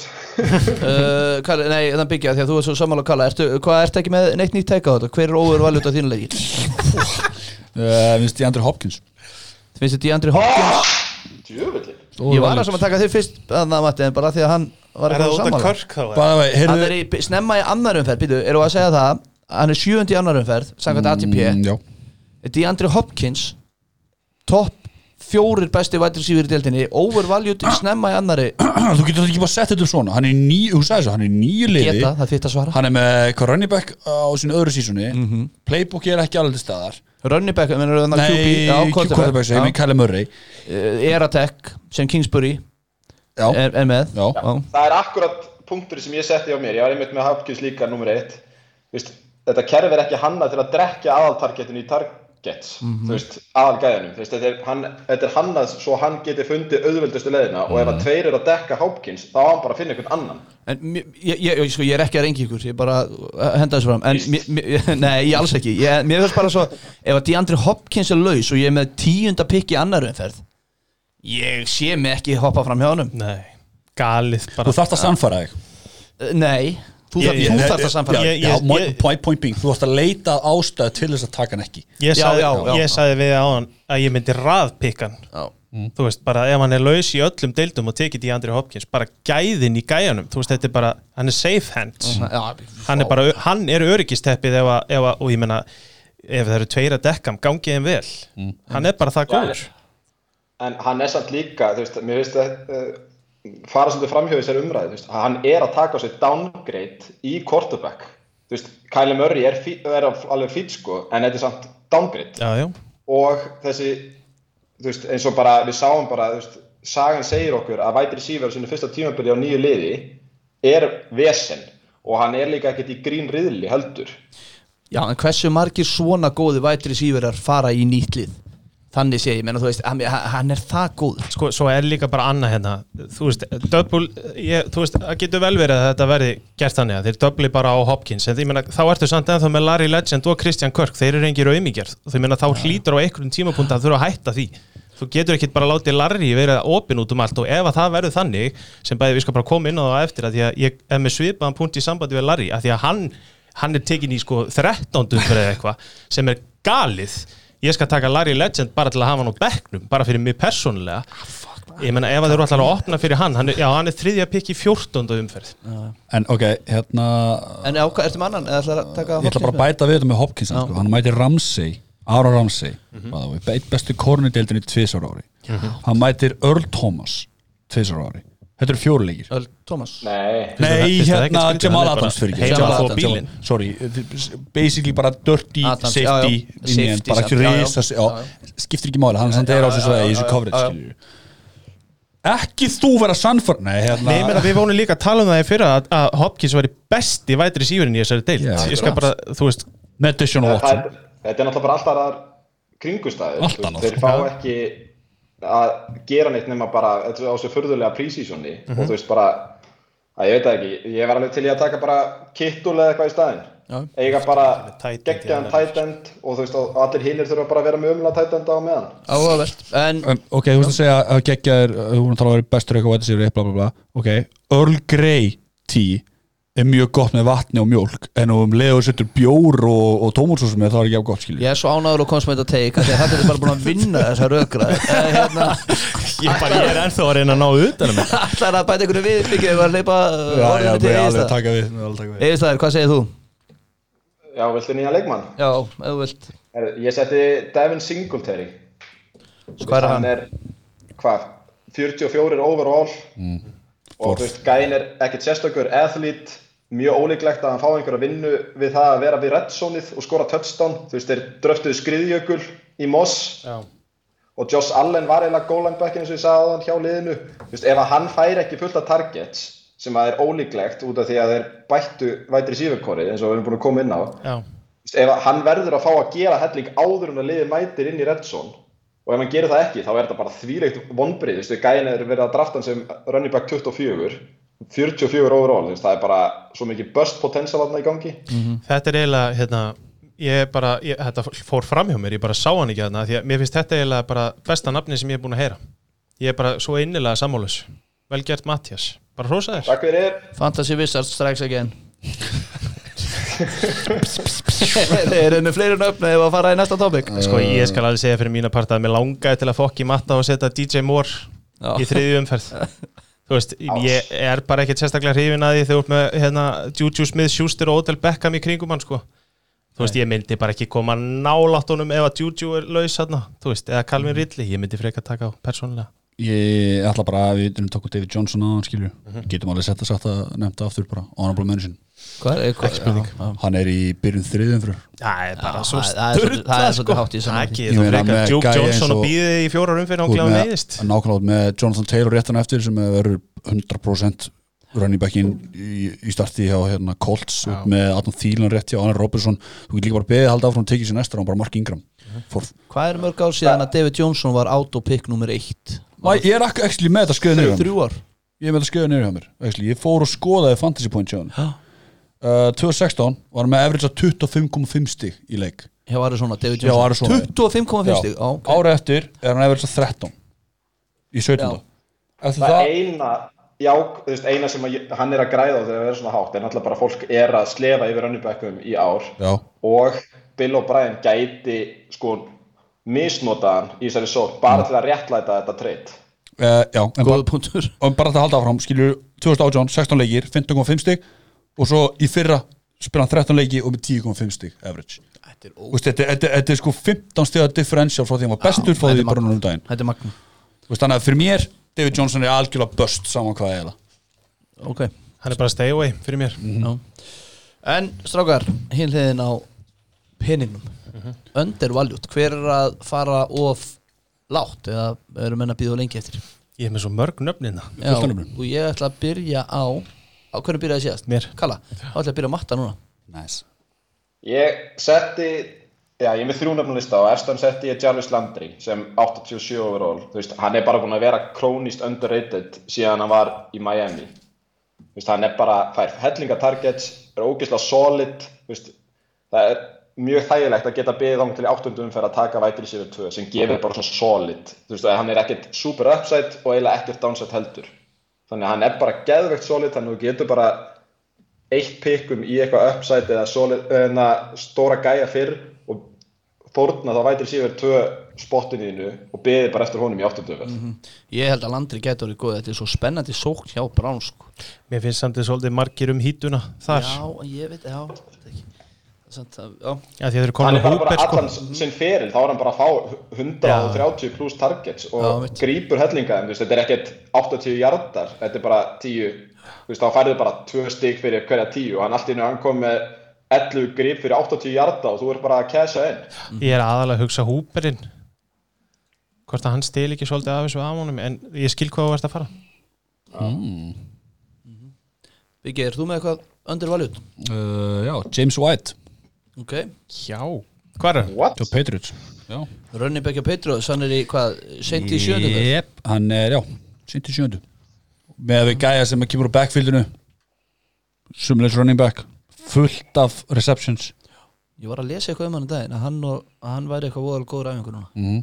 já, hann er bara besta er að Cam Newton er ekkert hrifin að því að senda á running backana sína. Nei. Það þarf að vera besti receiving running back síðustu tíu ára í Christian McCaffrey svo að hann, þú sjáir einhvern mun hjá hann þú veist, áður en að Christian McCaffrey var draftar þá var hann bara eitthvað að gefa einhver alltaf sendingar heldur en á running backana eða hlaupa bara sjálfur eins og hann ok, veistu, veistu Ekki hver er náttúrulega ennþá þegar ég lest að stittam spili sko. Nei, nei, nei, ég, ég, ég var einmitt 100% valur. Nei, ég, ég, ég var einmitt að lesa um að, að hann og, hann og Newton væri að ná vel saman minni mig. Ok, má ég segja hver eru teknur undan James White? Antonio Gibson, Kerryon Johnson Jordan Howard, Philip Lindsay Marlon Mack, J.K. Dobbins DeAndre Swift Ronald Jones. Ég skilur, er einmitt með Dobbins á mínu lista. Já, nei, ég skilur, af þessu nöfnu sem ég er að nefna hérna hver er nokkur veginn obvious first choice í sínu liði? Akkurat, mic drop Gott Já. að þú droppaði en penna þetta helvitis Patriots backfield er samt bara geðveikt random. Já. Veist, það er verið að koma fréttir um að Damien Harris sé bara bestu running backin í liðinu akkurat núna. Bara- og White með honum þú veist, þá ertu bara að kánta á að hann taki grip. Já, og það ég, svo Shell náttúrulega grípur ekki neitt. Nei, nei. Damien Harris er ekki þekktur fyrir að grípa úr college þannig að, þú veist, jú, jú.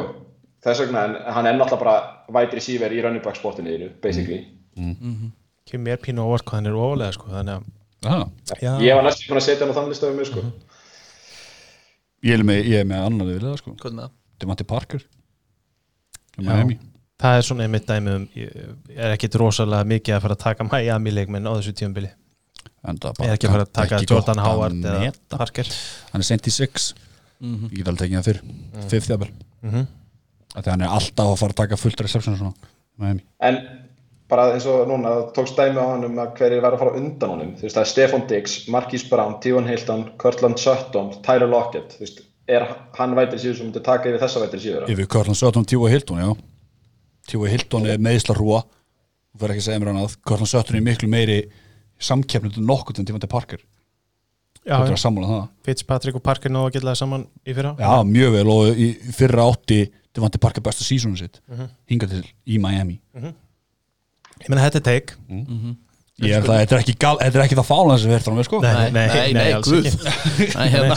James White var eiginlega. Nei, ég er að djókja Hver er næstur? Öndi Valjú Ég er með svo mikið að nöfnum. Uh, Maður rúla yfir bara þa það sem Endilega. ég er búinn að segja og koma svo með eitthvað annað? Ég er búinn að segja Stefan Diggs Mér finnst sjötta umferð, þú veist, út að tala um James White í sjöundu sko. Þetta er galið. Þannig að það er eitt, T.Y. Hilton. Mér finnst það, þú veist, í kringum hann er Robert Wo- Woods og, DJ Chark. Þú veist, Robert Woods eða T.Y. Hilton Það er fyrir mér bara svona einhvern veginn Þú veist, ég veit ekki hvernig ég myndi fara með það. Svo finnst mér, við vorum að tala um Josh Allen í áttundu ferð Þá býð ég frekar og Kirk Cousins vinnu minn liggur í fjórtóndu umferð. Ég er alveg til að hingra aðeins og taka sjensin á Kirk Cousins Í staðin fyrir í staðin fyrir Josh, Josh Allen, í Allen, áttundu já, umferð. já, já. Skiljiði mig? Ég er sammálað þar Þar myndi ég fara, svo er ég með Will Fuller. Og hann er fyrsta pikk í sjöundu umferð. Og þar er ég bara svona, ef að menn eru tilbúin til að taka leikmann úr Texans sem ég bara þarf að bara taka setja svolítið niður og hugsa minn gang þar að því ég er ekkit vissum að ég myndi vilja gera það. Það er mikil áhætta hann er mikið meittur en hann er eini vætri sífi lissi sem hefur spilað með Watson. Og við hefum, þegar hann er heill þá hefur maður alveg séð hvað hann getur. Og í sjöund umferð uppsætið á Will Fuller fyrir mér er þannig að ég er alveg til í að taka sjensin á honum í sjöund umferð. Að ég er sammála. Þú veist að út af því að meðslinn eru svolítið bökuð inn í þetta ADP þú veist fólk er greinilega að gera ráð fyrir að hann meiðist þá Já. er mjög þægilegt að geta tekið hann í sjöundum umferð. Því að algjörlega uppsætið er fáránlegt. Já. Svo, Só, Sókninni fyrir á Texans var allt önnu þegar hann var með já, ekki spurning. Svo er ég með alveg bara hérna síðast í draftinu eru þrjúnöf sem að mér finnst pínu fyndin sko og þar er maður sem heitir Breshad Perriman sem ég held að sé hjá New York Jets. Okay. og ég ætla bara að minna ykkur á það hann var, var hann ekki í Tampa í fyrra? Jú. Jú, tölunar hans úr Tampa hann var, sko, hann var í nýjameðslum og alls konar, það er, hann var al- þótti mjög efnilegu leikmaður hann var bara mjög góður í fyrra þegar hann allt í einu þurfti að spila helling vegna meðsla Síðan síðustu þrjáleikina ekki? Já, við erum að tala um, ég ætla bara að fá að benda á það. Áttunda pikk í fjórtándu umferð. Já. já, skiljiði mig. Sko, má ég skemma þetta pínu? Þú veist þegar fyrir svona 7-8 dögum kom fréttur um að hann væri middur hann væri með bólgur í nýja já, Já. nú er ég komið sko hann er ekki ennþá byrjar að æfa. Þú veist fyrir viku síðan þá sögðu svona Twitter-læknarnir fyrir fantasy nörda að ekki hafa áhyggjur fyrir en að hann, veist, ef hann er ekki að æfa eftir viku og nú er rúmlega vika liðin og þá er allir Twitter-læknir bara shit það er einmitt það sem ég ætlaði að segja vegna þess að það góða við það ef að menn er að drafta seint er að hann þarf að sagt, koma tilbaka eftir ákveð, fyrir held ég næstu helgi eitthvað svo liðist til þess að mega spila í september annars þarf hann að fara á publist þannig ég er að segja, ef, veist, við erum að tala um 14. umferð ef að hann verður tekin inn í liðið þá sé ég ekki að ég að pikka hann upp þar. Svo er ég með tvö nöfn yfirbútt Larry Legend, þriðja pikk í 14. takk. Og Curtis Samuel, við erum að tala um 14. umferð fjórða pikk. Og Moore er í þriðju umferð. Ég ætla bara að íta á það að mér finnst DJ Moore svolítið óvalega Ok, eitt, en samt eitt þeir, þeir voru ekkert með ósvipaða tölur í fyrra sko. Curtis Samuel og Robbie Anderson sem eru wide receiver 2 og 3 í rauninni ræða hvernig þið ræða þessu Já. eru báðir hlið við hlið mjög, Mjög seint seint. í draftinu. Já. og það eru ákveðna viðvörunabillur ég meina við voruð ekki að tala um Hopkins og að doblan hvað er þið dobla bara Moore? Þá ertu bara með Robbie Anderson og Curtis Samuel gal opna og Kristján McCaffrey bró ég meina, þú veist, ég er bara að tala um 14. umferð skiljið, ekki drepa mig hérna mér finnst þetta svolítið niðarlega það sleeper eða?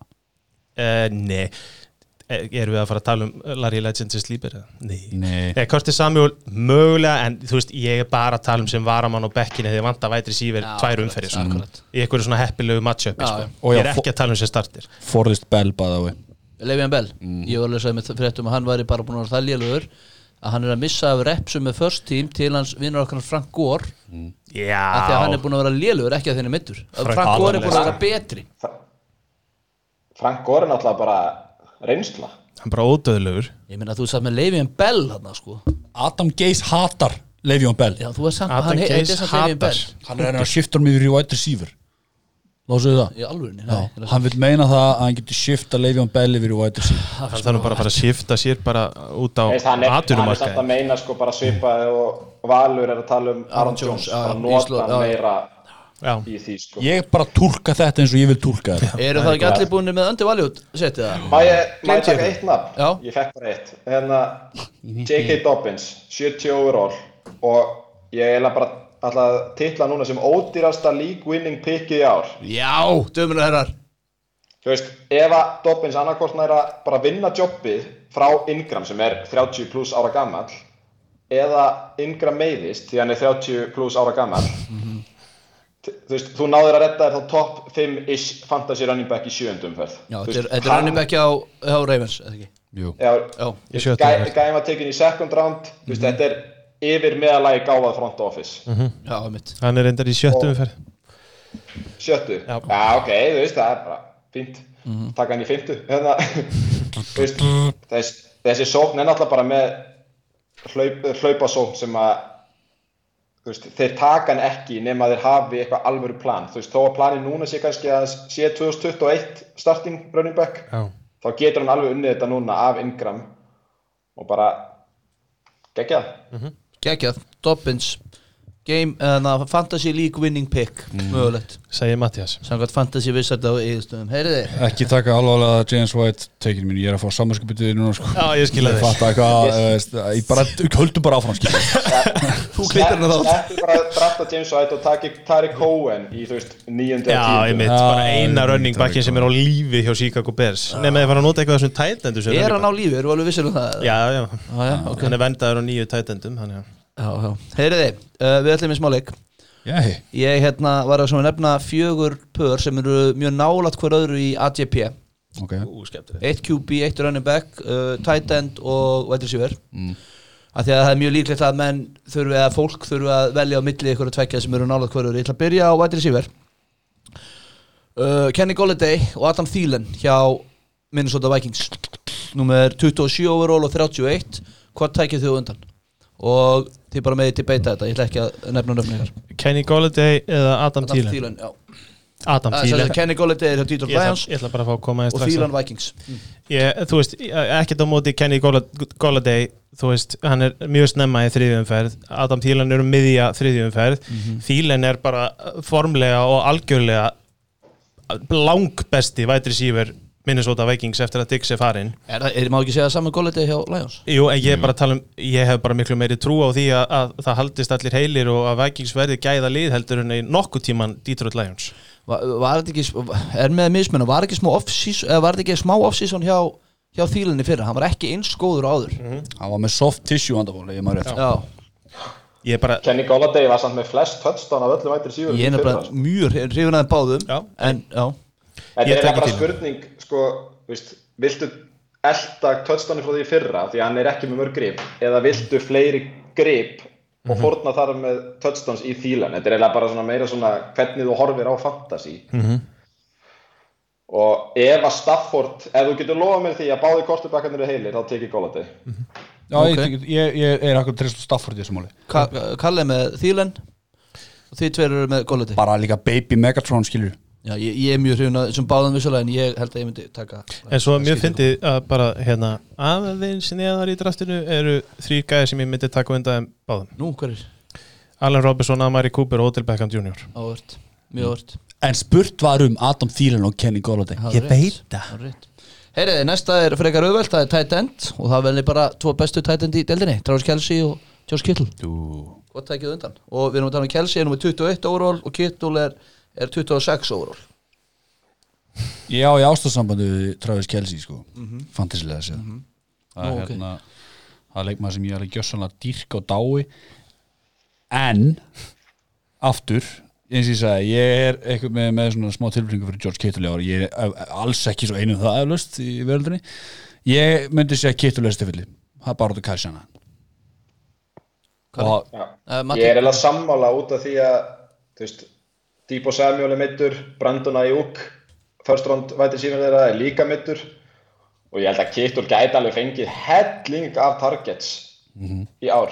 Þannig að þú veist Kittul komst sko bara í hérna, hvað það segja, var bara komst í spotlighti bara akkur út á svona aðstæðum. Að það var enginn eftir, skilju þetta er akkur típisk aðstæð fyrir Kittul bara til að vera réttum maður réttum stað. Þið held að varnir séu ekki farnar að einblina meira á hann eftir svona mikið teipa á hann Þú veist ekkert hvað er að fara að geðast í Calciana það, út af því að hann er náttúrulega þú veist, mögulega betri blokkari en grípari. Þannig að þú veist aldrei hvað hann er að fara að gera. Nei, akkurat. Sem er einmitt ástæðan fyrir því að ég ætla bara að taka Kelsey og hérna þetta, er svo, þetta er nefnilega svo vond og það er, þetta er nákvæmlega sem Matt verið að segja. Hann er, gæti verið betri blokkari en það eru margir meittir þannig að aukast á targetin á meðan að Kelsey er í hlaðinni sókn. Og þú ert líka að taka svolítið sjensin á því að targetin fari bara eitthvað annað. Þetta Já, þú er öfugt að því að vantar vopnin í San Francisco en það er ógnótt af vopnum í, í Chiefs. Er Kelsey samt ekki uppáðast targetið hans maður Holmes? Getum við ekki sagt það? Jú. Öruglega, en það er bara spurning hvernig þetta verður. Mm. þetta verður bara svolítið erfitt að lesa Kansas með nýjan running back og, ja, og efnilega að vætri síma running backin er þekktur fyrir grip og, það, og, veist, og það er alltaf að tala um að tight endar og running backar eru svona í svipuðu hve- þar sem þeir fá targetin sín.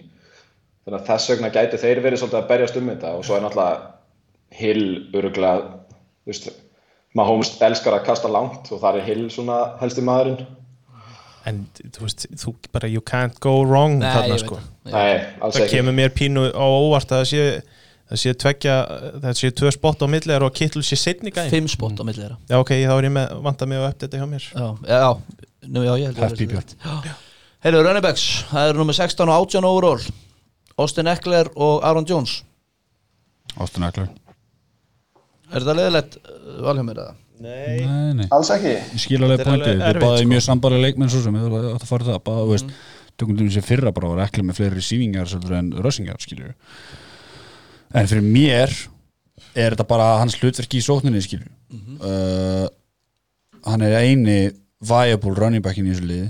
Hann er akkur svona úr að belga út úr backfieldinu.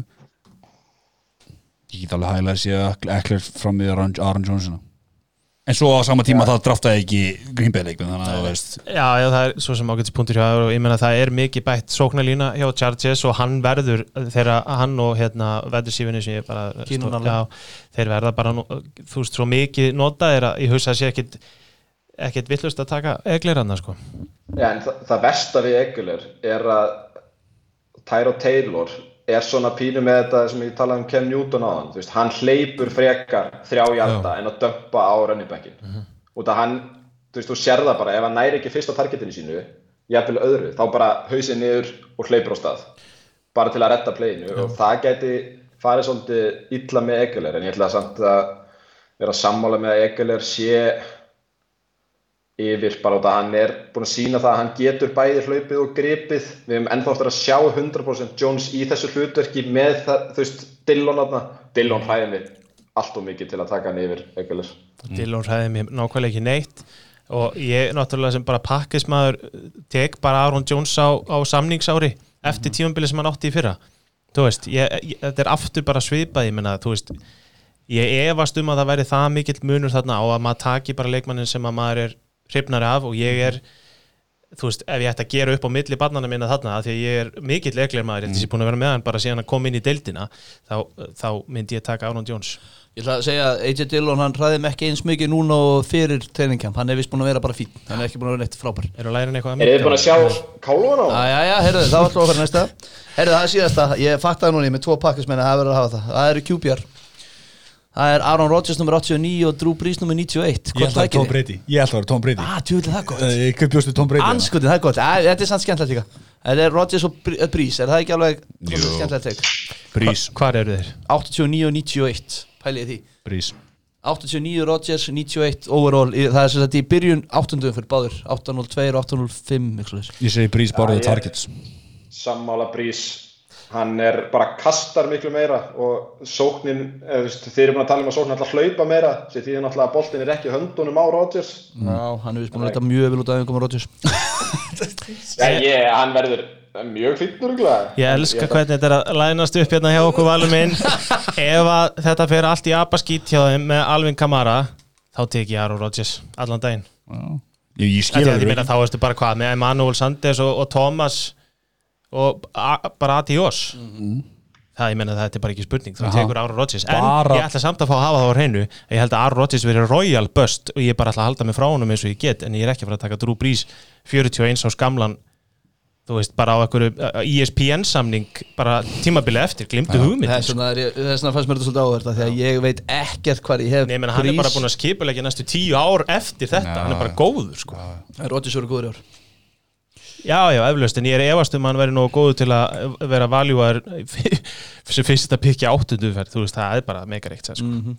En hérna, já, núna náttúrulega styttist rosalega í þetta og hérna og það eru margir sem að byrja að fylgjast með NFL í gegnum fantasy og það er frábæð leið til að fylgjast með NFL þegar þú þarft einhvern veginn að fylgjast með öllum liðum þau, mann mun byrja að finna eða þykja væntum leikmenn sem að vinna allt í að leiki fyrir mann sem að ég held að skipta yngu máli fyrir viku árum að byrja þessu þegar þið byrjuð, er ykkur svona tips sem að þið vildu fá að vita áður en þið byrjuð? Bara tips fyrir byrjendur. Geimið að taka quarterback eins lengi og þið mögulega getið. Takk fyrir mig, fyrsta drafturinn mínu þá, hérna, í draumadeildinni sem að ég og Matti erum saman í þá tók ég Matt Stafford í þriðju eða fjóruðu fyrir bara því að, ég- þú veist, fyrir mér þá bara meikaði ekkert annað sens en ég þyrsti sturlaðan quarterback. Mér gekk ekki dýlla en það var ekki staðinu til að taka Matt Stafford, skilur Nei, sko ástæðan fyrir á að drafta QB seint er að það er oft svo lítill munur á besta Já. og bara miðju QB og það er svo mikill munur á bestu vætri sífurunum og running backunum sem getur fengið í fyrstu fjórum, fimm, sex umferunum og, og þú veist eða lít, hvað sé, lítill munur og á gæja sem að, eins og Kirk Cousins í 14 Akkurat. eða hvernig sem það er. Uh, draftaði með hjartanu Ha? Nei, e, e, e, nei, ok, samt Ekki drafta mig hjartan Nei, nei, ok, leið mér að útskýra pælingunum mína, skiljur, ok? Eins og sögum, ef þú fílar eitthvað leikmann á draftar hann, skiljur, fattar að göfið ef hann er fyrir fram að, ef þú ert ekki alveg með upplýsingar um gæðinu sem er kringum, taktu það sem þú þekkir skiljur, ekki bara gíska það er það sem ég er að segja, svona það sem hún ber tilfinninga til. Það er það sem ég er að segja já, en núna er ábyggja margir sem að sjá bara AGP og, og drafta eftir því. Já, bara, þess vegna er já, Akkurat. Það er bara, þess vegna fer líka allt í hland þess vegna eru ákveðni leikmenn bara ennþá fastir þarna uppi, Já. þess vegna er digg svona neðarlega, því að fólk er ekkert að skrolla niður og aðtuga, þú ert bara með eitthvað, mm. út inn í einhverjum kassa. Og þess vegna er eins og Biggi sagði áðan að við erum búin að mokk drafta svolítið vel áður en draftið. Það er nákvæmlega sem ég ætla að segja.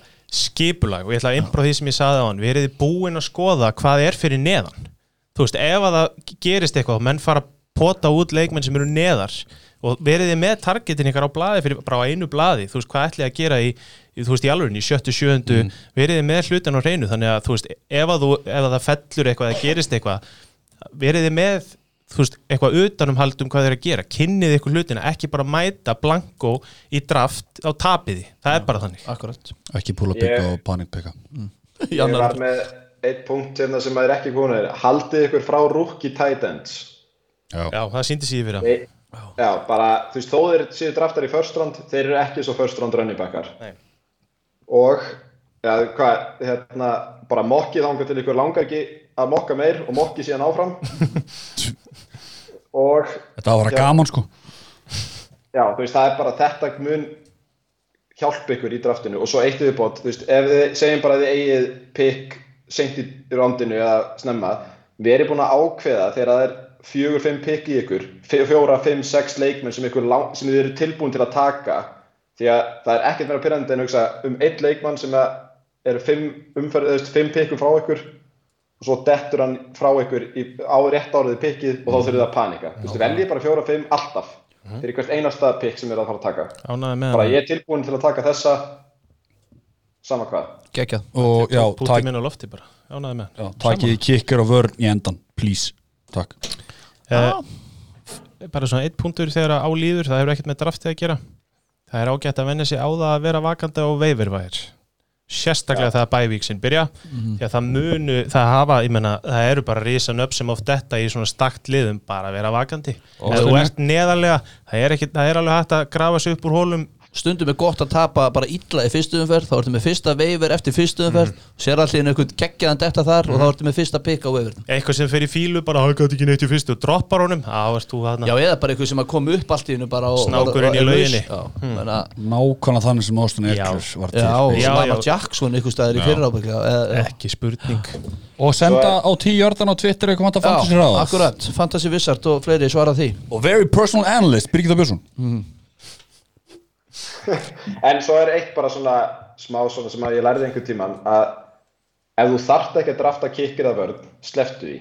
Þannig að þú veist, þú, ert yfirleitt að drafta viku fyrir kickoff, þá er fínt að vera með einhvern random veitir sífæra running back sem gæti eitthvað gerst með og ef að það gerist ekki neitt þá bara droppar þeim fyrir kikkur og vörð Já, það eru á sama dag, þú veist, á sunnudegi.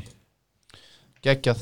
Þannig að, heyriði þá erum við búin með toppikinn sem við ætlum í en við fengum alveg ykkur spurningar frá áhörundum og mér langar að rulli gegnum þær við svöruðum svona Hlustendum. Fyrir ekki, hlustundum, áhörundum, já, hlustundum uh, hérna spurninga eitt, við erum nú svo sem búin að svara því í þættunum, en hversu mikið pælið í bævikum þegar þið draftið? ég er með það á bak við eirað það er eina sem ég ætla að segja. Ég er ekkert að panika yfir því og ef það eru bara gæði þá er ég ekkert eitthvað bara, heyrðu, Odell Beckham er inn í sjöttu umferð, þá er ég ekkert eitthvað herjinni með hérna fjóra á bævík, þú glemdu hugmyndinni. Þá bara tekuru gæðin en það er samt allt í lægi að vera með það á bak við eirað þannig að það fari ekki allt í rugg Ég, snemma. ég jafnaði lút með að drafta ekki tvo saman liði. Þannig nokkuð sem ég jafnaði út bæði í kontræðin Immo. Pælir ekki. Ok, uh, spurning nummer tvö. Mér finnst það náhugaverð Nei, kannski en, jú, Patrick Mahomes, fyrsta pick. Uh, Nei, bara alls overall. ekki. Já, Já. bara overall vantala Ég einn 1-0-1 1-0-1 Matti, Matti bara skilur ekki það er ekki utan um spurningur Er erum við að tala um í deild sem startar einu quarterback? bara, já, bara. First overall bara. Já eða nei? Ég ætla ekki svona að svara sjóði yfir. Hvað segir þú byggir? Nei, Nei, nei, er þetta alveg galin spurning? Nei, nei, auðvitað Og ég er ekki að gera lítið úr spurningunum, Alls ekki, sko. alls ekki, þetta er alveg valið spurning Klálega skilja, því þú veist, þú ert alltaf auto með 20 pluss stig í Patrick Mahomes. En þú getur líka fengið quarterback sem myndi alltaf voru að skila solid 16 stigum En þú fær ekki running back sem skila þessum með tölum og Kristján McCaffrey. Nei, Þú ert líka að fórna, þú veist, þetta er, hvað heitir þetta, ég veit ekki svo hvað þetta heitir í íslensku, position scarcity á ennsku. Þú veist, þú getur fundið nógu góðan quarterback ógisla sein. Já, En þú getur það ekki ef þú tekur Mahomes yfir McCaffrey til dæmis. alright Getur fundið góðan quarterback í, uh, hvað segja, round 14 og getur ekki fundið góðan running back nei, round 14 glemdu hugmyndinni. Herru, hot tips frá mönnum sem fylgjast með college fútból Hvaða leikmenn er svona, eru vantala rúkjar og svona? Matti, ert þú ekki svona cirka Er það ekki eini sem er svona eitthvað alveg í college fútból? Jú, að þú veist, maður er svona bara aðeins búin að setja sig inn í Já, ok. Bara rúkjaðan í ár, ég býst að spurning, ég held þessi spurning Já, vantalega, eða hvað, jú, það hlýtur að vera ekki. Jú, vantalega En alltaf mæntalega ekki næsta ár. Vantalega, Nei. já Veistu, Nei, ég er ég veist, bara takið, ef þið ætlaði að taka rúkja, takið þá running backa sem voru draftaðir í fyrsta öðrurundi. Já, er þetta ekki bara Nefna kannski Dillon. já, og er, það eru ekki margir rúkjar sem að eru þess virði, þú veist, Ruggs, Ayuk, Brandon Edwards hjá Raiders. Jonathan eru Taylor. Jonathan Taylor. Já, Jonathan Taylor, hann er alltaf running back, sko, þú veist bara, þetta er náttúrulega Akers og, og hérna Taylor, Dobbins. Clyde Edwards, Hilaire Já. Og DeAndre Swift, J.K. Dobbins Var spurningin bara um þetta erfitt. Nei, bara college fútból Já, Já, ok, þess að þetta eru bara þessi gauðra sem voru hann að running backar í fyrstu tveimur umfyrunum og ykkur er síver hann ég skal alveg segja fyrir mína parta ég held að í ár þá fyrir mér er þetta Clyde Edwards og þetta er Jonathan Taylor og svo er ég bara ekki þarna sko. Ég heyrði áhugert teikundaginn frá öðru fantasy pokasti maður bara svona á, á aðra sko. Kollega með Clyde Edwards að því að þú ert í deild hjá eitthvað sem þekkir ekki til Clyde Edwards Heller og gæðin sem hann býr yfir og getur mögulega að skila tölum í ár svona eins og Sigmund Barkli gera fyrsta sísoni og í Sigurlega Elliður sínu fyrsta sísoni ef að þú ert til með mögulegin að taka yfir í kannski Kamara tökur Kamara og býður kannski frá hann á second round til að eiga vona á því að kannski mögulega droppar Clyde Edwards Heller þetta er ekki nátt sem er þekkt. Ég myndi alveg taka þann séns. Já, en, ATP já, þú veist, síðan hjálpar Já, já, þeim sem hafa ekki gert þetta áður, þú veist, ef þú væri bara með að gera þetta í síma eða á Zoom-fundi eða eitthvað, þá væri ég 100% með þér, en síðan, þú veist, draftrúmi er bara, hér eru gæjarnir eins og það er verið að taka þá. akkurat. Já, þetta var bara mitt input. Já, flott, flott, flott. Takk. Herðu, spurning fjögur uh, hversu mikið, við erum svo sem líka bara einbra þessu eitthvað, hversu mikið á að leifa tilfinningum að stjórna drafti? Drafta sína menn áður en að hérna hefur verið teknir og svo bætti hann við sem að spurði, spurði þessu hann eða hún, ég er í hættu að taka gronk og eirót á undan að ég Þetta er ongelin bæði shoutout á PM. þann mikla Já. mistara sko, þessi, þessi tveir eru frálitir en ef það eru gæði í leikmennunum þú veist, virkilega góði leikmenn þá finnst mér allt í lagi en ekki, ekki eitthvað svona rugl dæmi sko, gronk er bara við það bara galið sorry Matti, hvað segirðu? Ég var einmitt að fá bara message í gær frá gæja sem var að halda svona rookie draft, sjátt á Bjarna vinn minn. Hann var að, þú veist, sapnaði saman svona rookie sem aldrei gert þetta áður og þar var einn í dildinni sem að draftaði Brady, Gronk, Evans og Godwin. já, Þú veist, bara tók bara Tampa Bay, svo, hérna, passing game bara og draftaði hann. Já, Þú veist, Það er það hlýtur respekt. að vera út af Brady eða þá bara algjörlega óvart. Já, hún verður þá bara, eða hann verður bara vona það að þetta verður bara einhver 60 stiga sókna því að það er bara, dreifingin er bara, getur ekki skila neinu í hús. Þetta er traust, Þetta er tröst. ég sé það þannig Þannig, Ég spil, það er eitt svona með okkur í deild sem er, er, heitir bara nánast New England Patriots og tók bara liðið eins og að- hann hefur náttúrulega ekki riðið feitum hesti frá þeirri deild. Nei. Ég, ég tek undir, ég, ég, það þarf að vera eitthvað fútt í þessu skilur, fyrir utan það náttúrulega, ef þú draftar þetta eins og Matti og Kalli bara tölfur skilur, það er bara gaman skilur, en fyrir mér, mitt liði, ég er það sem að töður í þessu. Ég vil elska leikmennu mína. Ég- eh, Þetta er, þetta er ósakjör gaggríni vegna þess að ég sagði það líka á hann takiði leikmenn úr liðum sem er gaman að horfa á. Já. það eru líka ákveðna tilfinningar í því. Ég nenni ekki að vera með Bengals og Jacksonville og einhverja Washington leikmenn í liðinu mín, ég bara nenni því ekki ég nenni ekki að sitja yfir þeim leikum, ég er búin að fara fram á það að þetta veri tekið af Redson þú veist þannig En að það er svo gaman að horfa á Terry McLaurin og DJ Chark þú veist, það er gaman að horfa á þá sérstaklega ef þú snöðu í fantasy Já, já, getur Já, ég ætla að segja, ég er með sko, þú veist, maður horfir með stundum, ég horfði stundum á umöla leiki að því að ég var með einhvern veginn fantasy, þannig að allt í henni gerði það, þá leiki ég svolítið skemmtilega, sko. já, já, en ég meina ef það væru já, Terry McLaurin er kannski ágæti stæmi en ég bara skemmtu þér vel með Jacksonville frendaðin I love it. Heyriði, næsta spurning, hún er einföld, uh, Minshew eða Mayfield? Gardner Minshew eða Baker Mayfield? Má ekki segja hvorur? Já. Sko ég var að hlusta á aðra kollega okkar sem sögðu basically að Case Keenum væri að líta betur út heldur en Mayfield á æfingum. Og það er ein, mjög einföld ástæða, það er vegna þess að hann hefur verið í systeminans Stefanski áður hjá Vikings.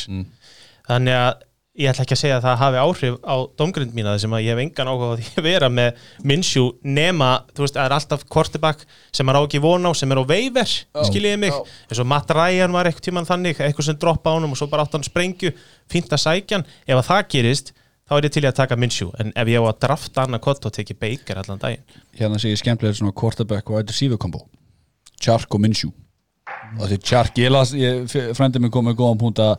að hann er átti búin að veða með 25 úr skalli að DJ Chark er ábygglega með 80% af touchdowns hjá Jacksonville Jaguars. af þessum, af þessum 12 Já, sko, ef þú vilt tala um kombo Beckham, Landry Hooper, Hunt, Chubb það er ágætis kombo hana í hinnu liðinu sko En en að- Case Keenum startar. Já. ég meina þá bara ferða á veifin droppa Baker og sækja kínum, þetta er ekki við, en spurningin er Minshew og Mayfield. ég er að segja það, þá tekur Sko- Baker og svo tekur þú sjensin en það er samt alveg skemmtilegur vingill núna. Þessi spurning varð miklu skemmtilegri eftir að fóra nett á kötta þér því að gæti þurft að hlaupa alveg helling. Já, og það gefur alveg veist, það er golden í fantasy Baker er ekki að fara að hlaupa nema kannski 100 hjarta í 16 leikjum sko. og meðan Bakefield gæti ná 600 hjartum og kannski þremur törstánum ætlið í alvörunni að drafta Minshew yfir Baker?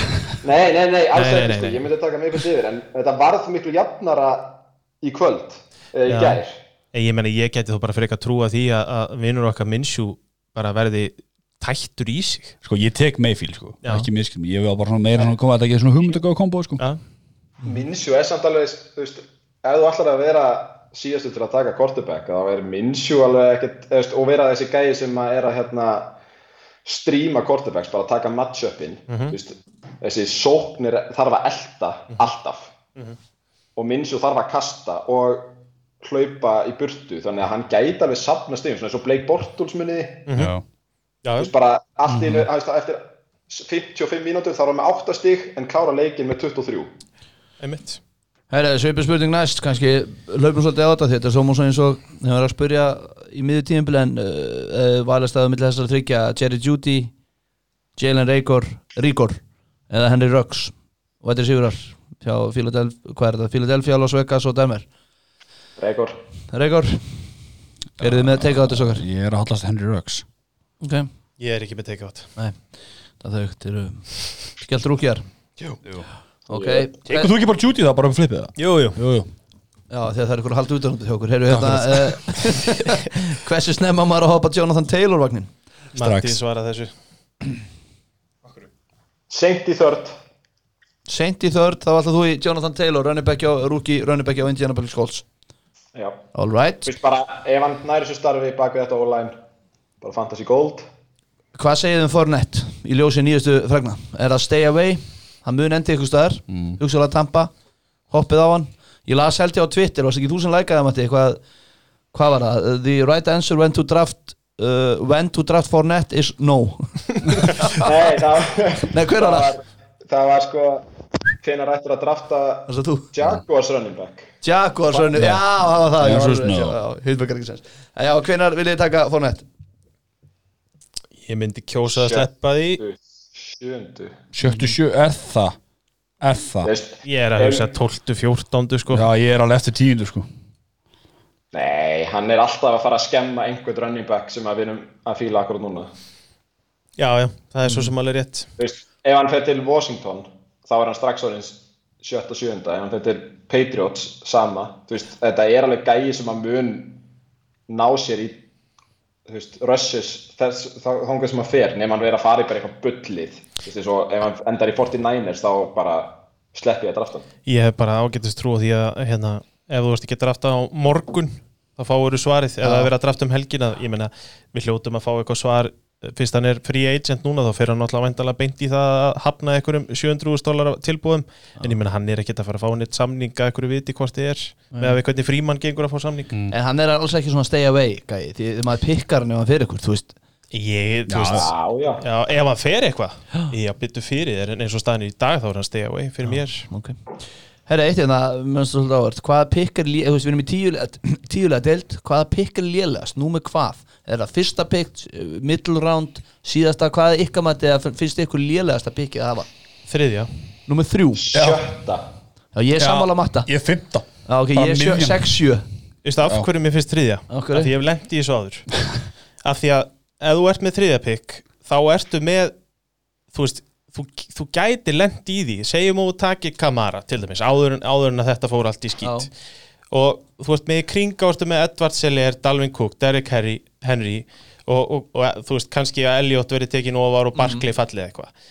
Þú veist Barkley er safe, Elliot er safe en þið langar kannski aðeins svona, þú veist, gera eitthvað annað. Þriðja, fjóruða pikk finnst mér alveg opbáslega erfitt af því að það er svo mikið, þú Já, skil hvað að hitta á rétta gæjan Oftast er þetta fyrstu tveir eru svona nokkuð Já, þess vegna sagði ég á hann, mér finnst bara fínt að vera neðarlega, þá bara búið að ákveða þetta fyrir mig. Já, en ég, ég er með sko eins og tekið hjá Matta og Bygga 6 og 7 þá ertu ekki með back to back í Snake og það líða alltaf 6 8 umferður á milli og það er óþólandi Já, Já en það er alveg valið út af því að veist, ég horfa á þetta eins og staðan er núna veist, segjum bara Kamara verði áfram veist, ég bara, og hann verði bara running back 1, þá er þetta 5 toppar, þetta er McCaffrey, Barkley, Elliot, Kamara og fyrir mér er það Clyde Edwards í leir akkurat núna.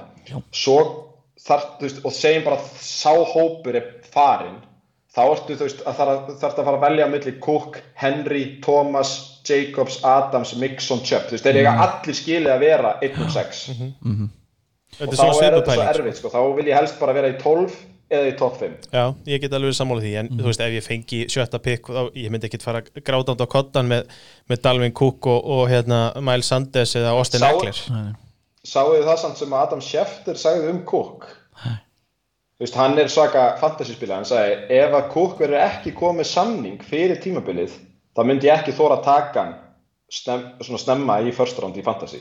Nei, ég, ég gerði þetta í fyrra. Bara við vorum að drafta kvöldi eftir að Elliot gerði sinn samning. Og ég man ekki, ég held að ég hefði átt annað eða þriðja pikki og ég tók hann bara. Þú veist, að því ég hafði bara mega trú á hann og það er einmitt það sem ég var að tala um, það kom bara pínu í baki á mér, að því ég hefði átt að gera bara fullt af öðrum hlutum heldur en að taka Elliot þar, þú veist, hann var fín, hann var mjög góður. En var þetta ekki ekkur, já, var þetta ekki ekkur dögut Hvað segirðu? Var, Manstu, manstu dildina? Já, það var ekki Elliot að þakka, það var mér að þakka. Er það En það er líka annað, maður, að því við vorum tips og annað því draftið lið og svo þegar það eru í í úrslitum, ef þau eru heppin það er það ekki sama lið, sko. Nei, nei. Þeir eru kannski með fjóra, fimm, Já, sex leikmenn í besta falli ennþá spilandi úr draftliðin ykkar. Þannig að þetta er, þetta er, þetta er marathon. Mhm. munið er það góð klísja sko, þú veist, þú vinnur ekki draft, þú vinnur ekki deildin í draftinu en þú getur tapað henni. Geggjað, heyriði, síðasta spurningin. Uh, Finnst þið ykkur að menn sem vinna deildina árið áður eigi að fá að ráða núma hvað pikkið þeirra er árið eftir? Ykkur svona auka velun fyrir sigurinn? Já. Ég er harður, já þannig.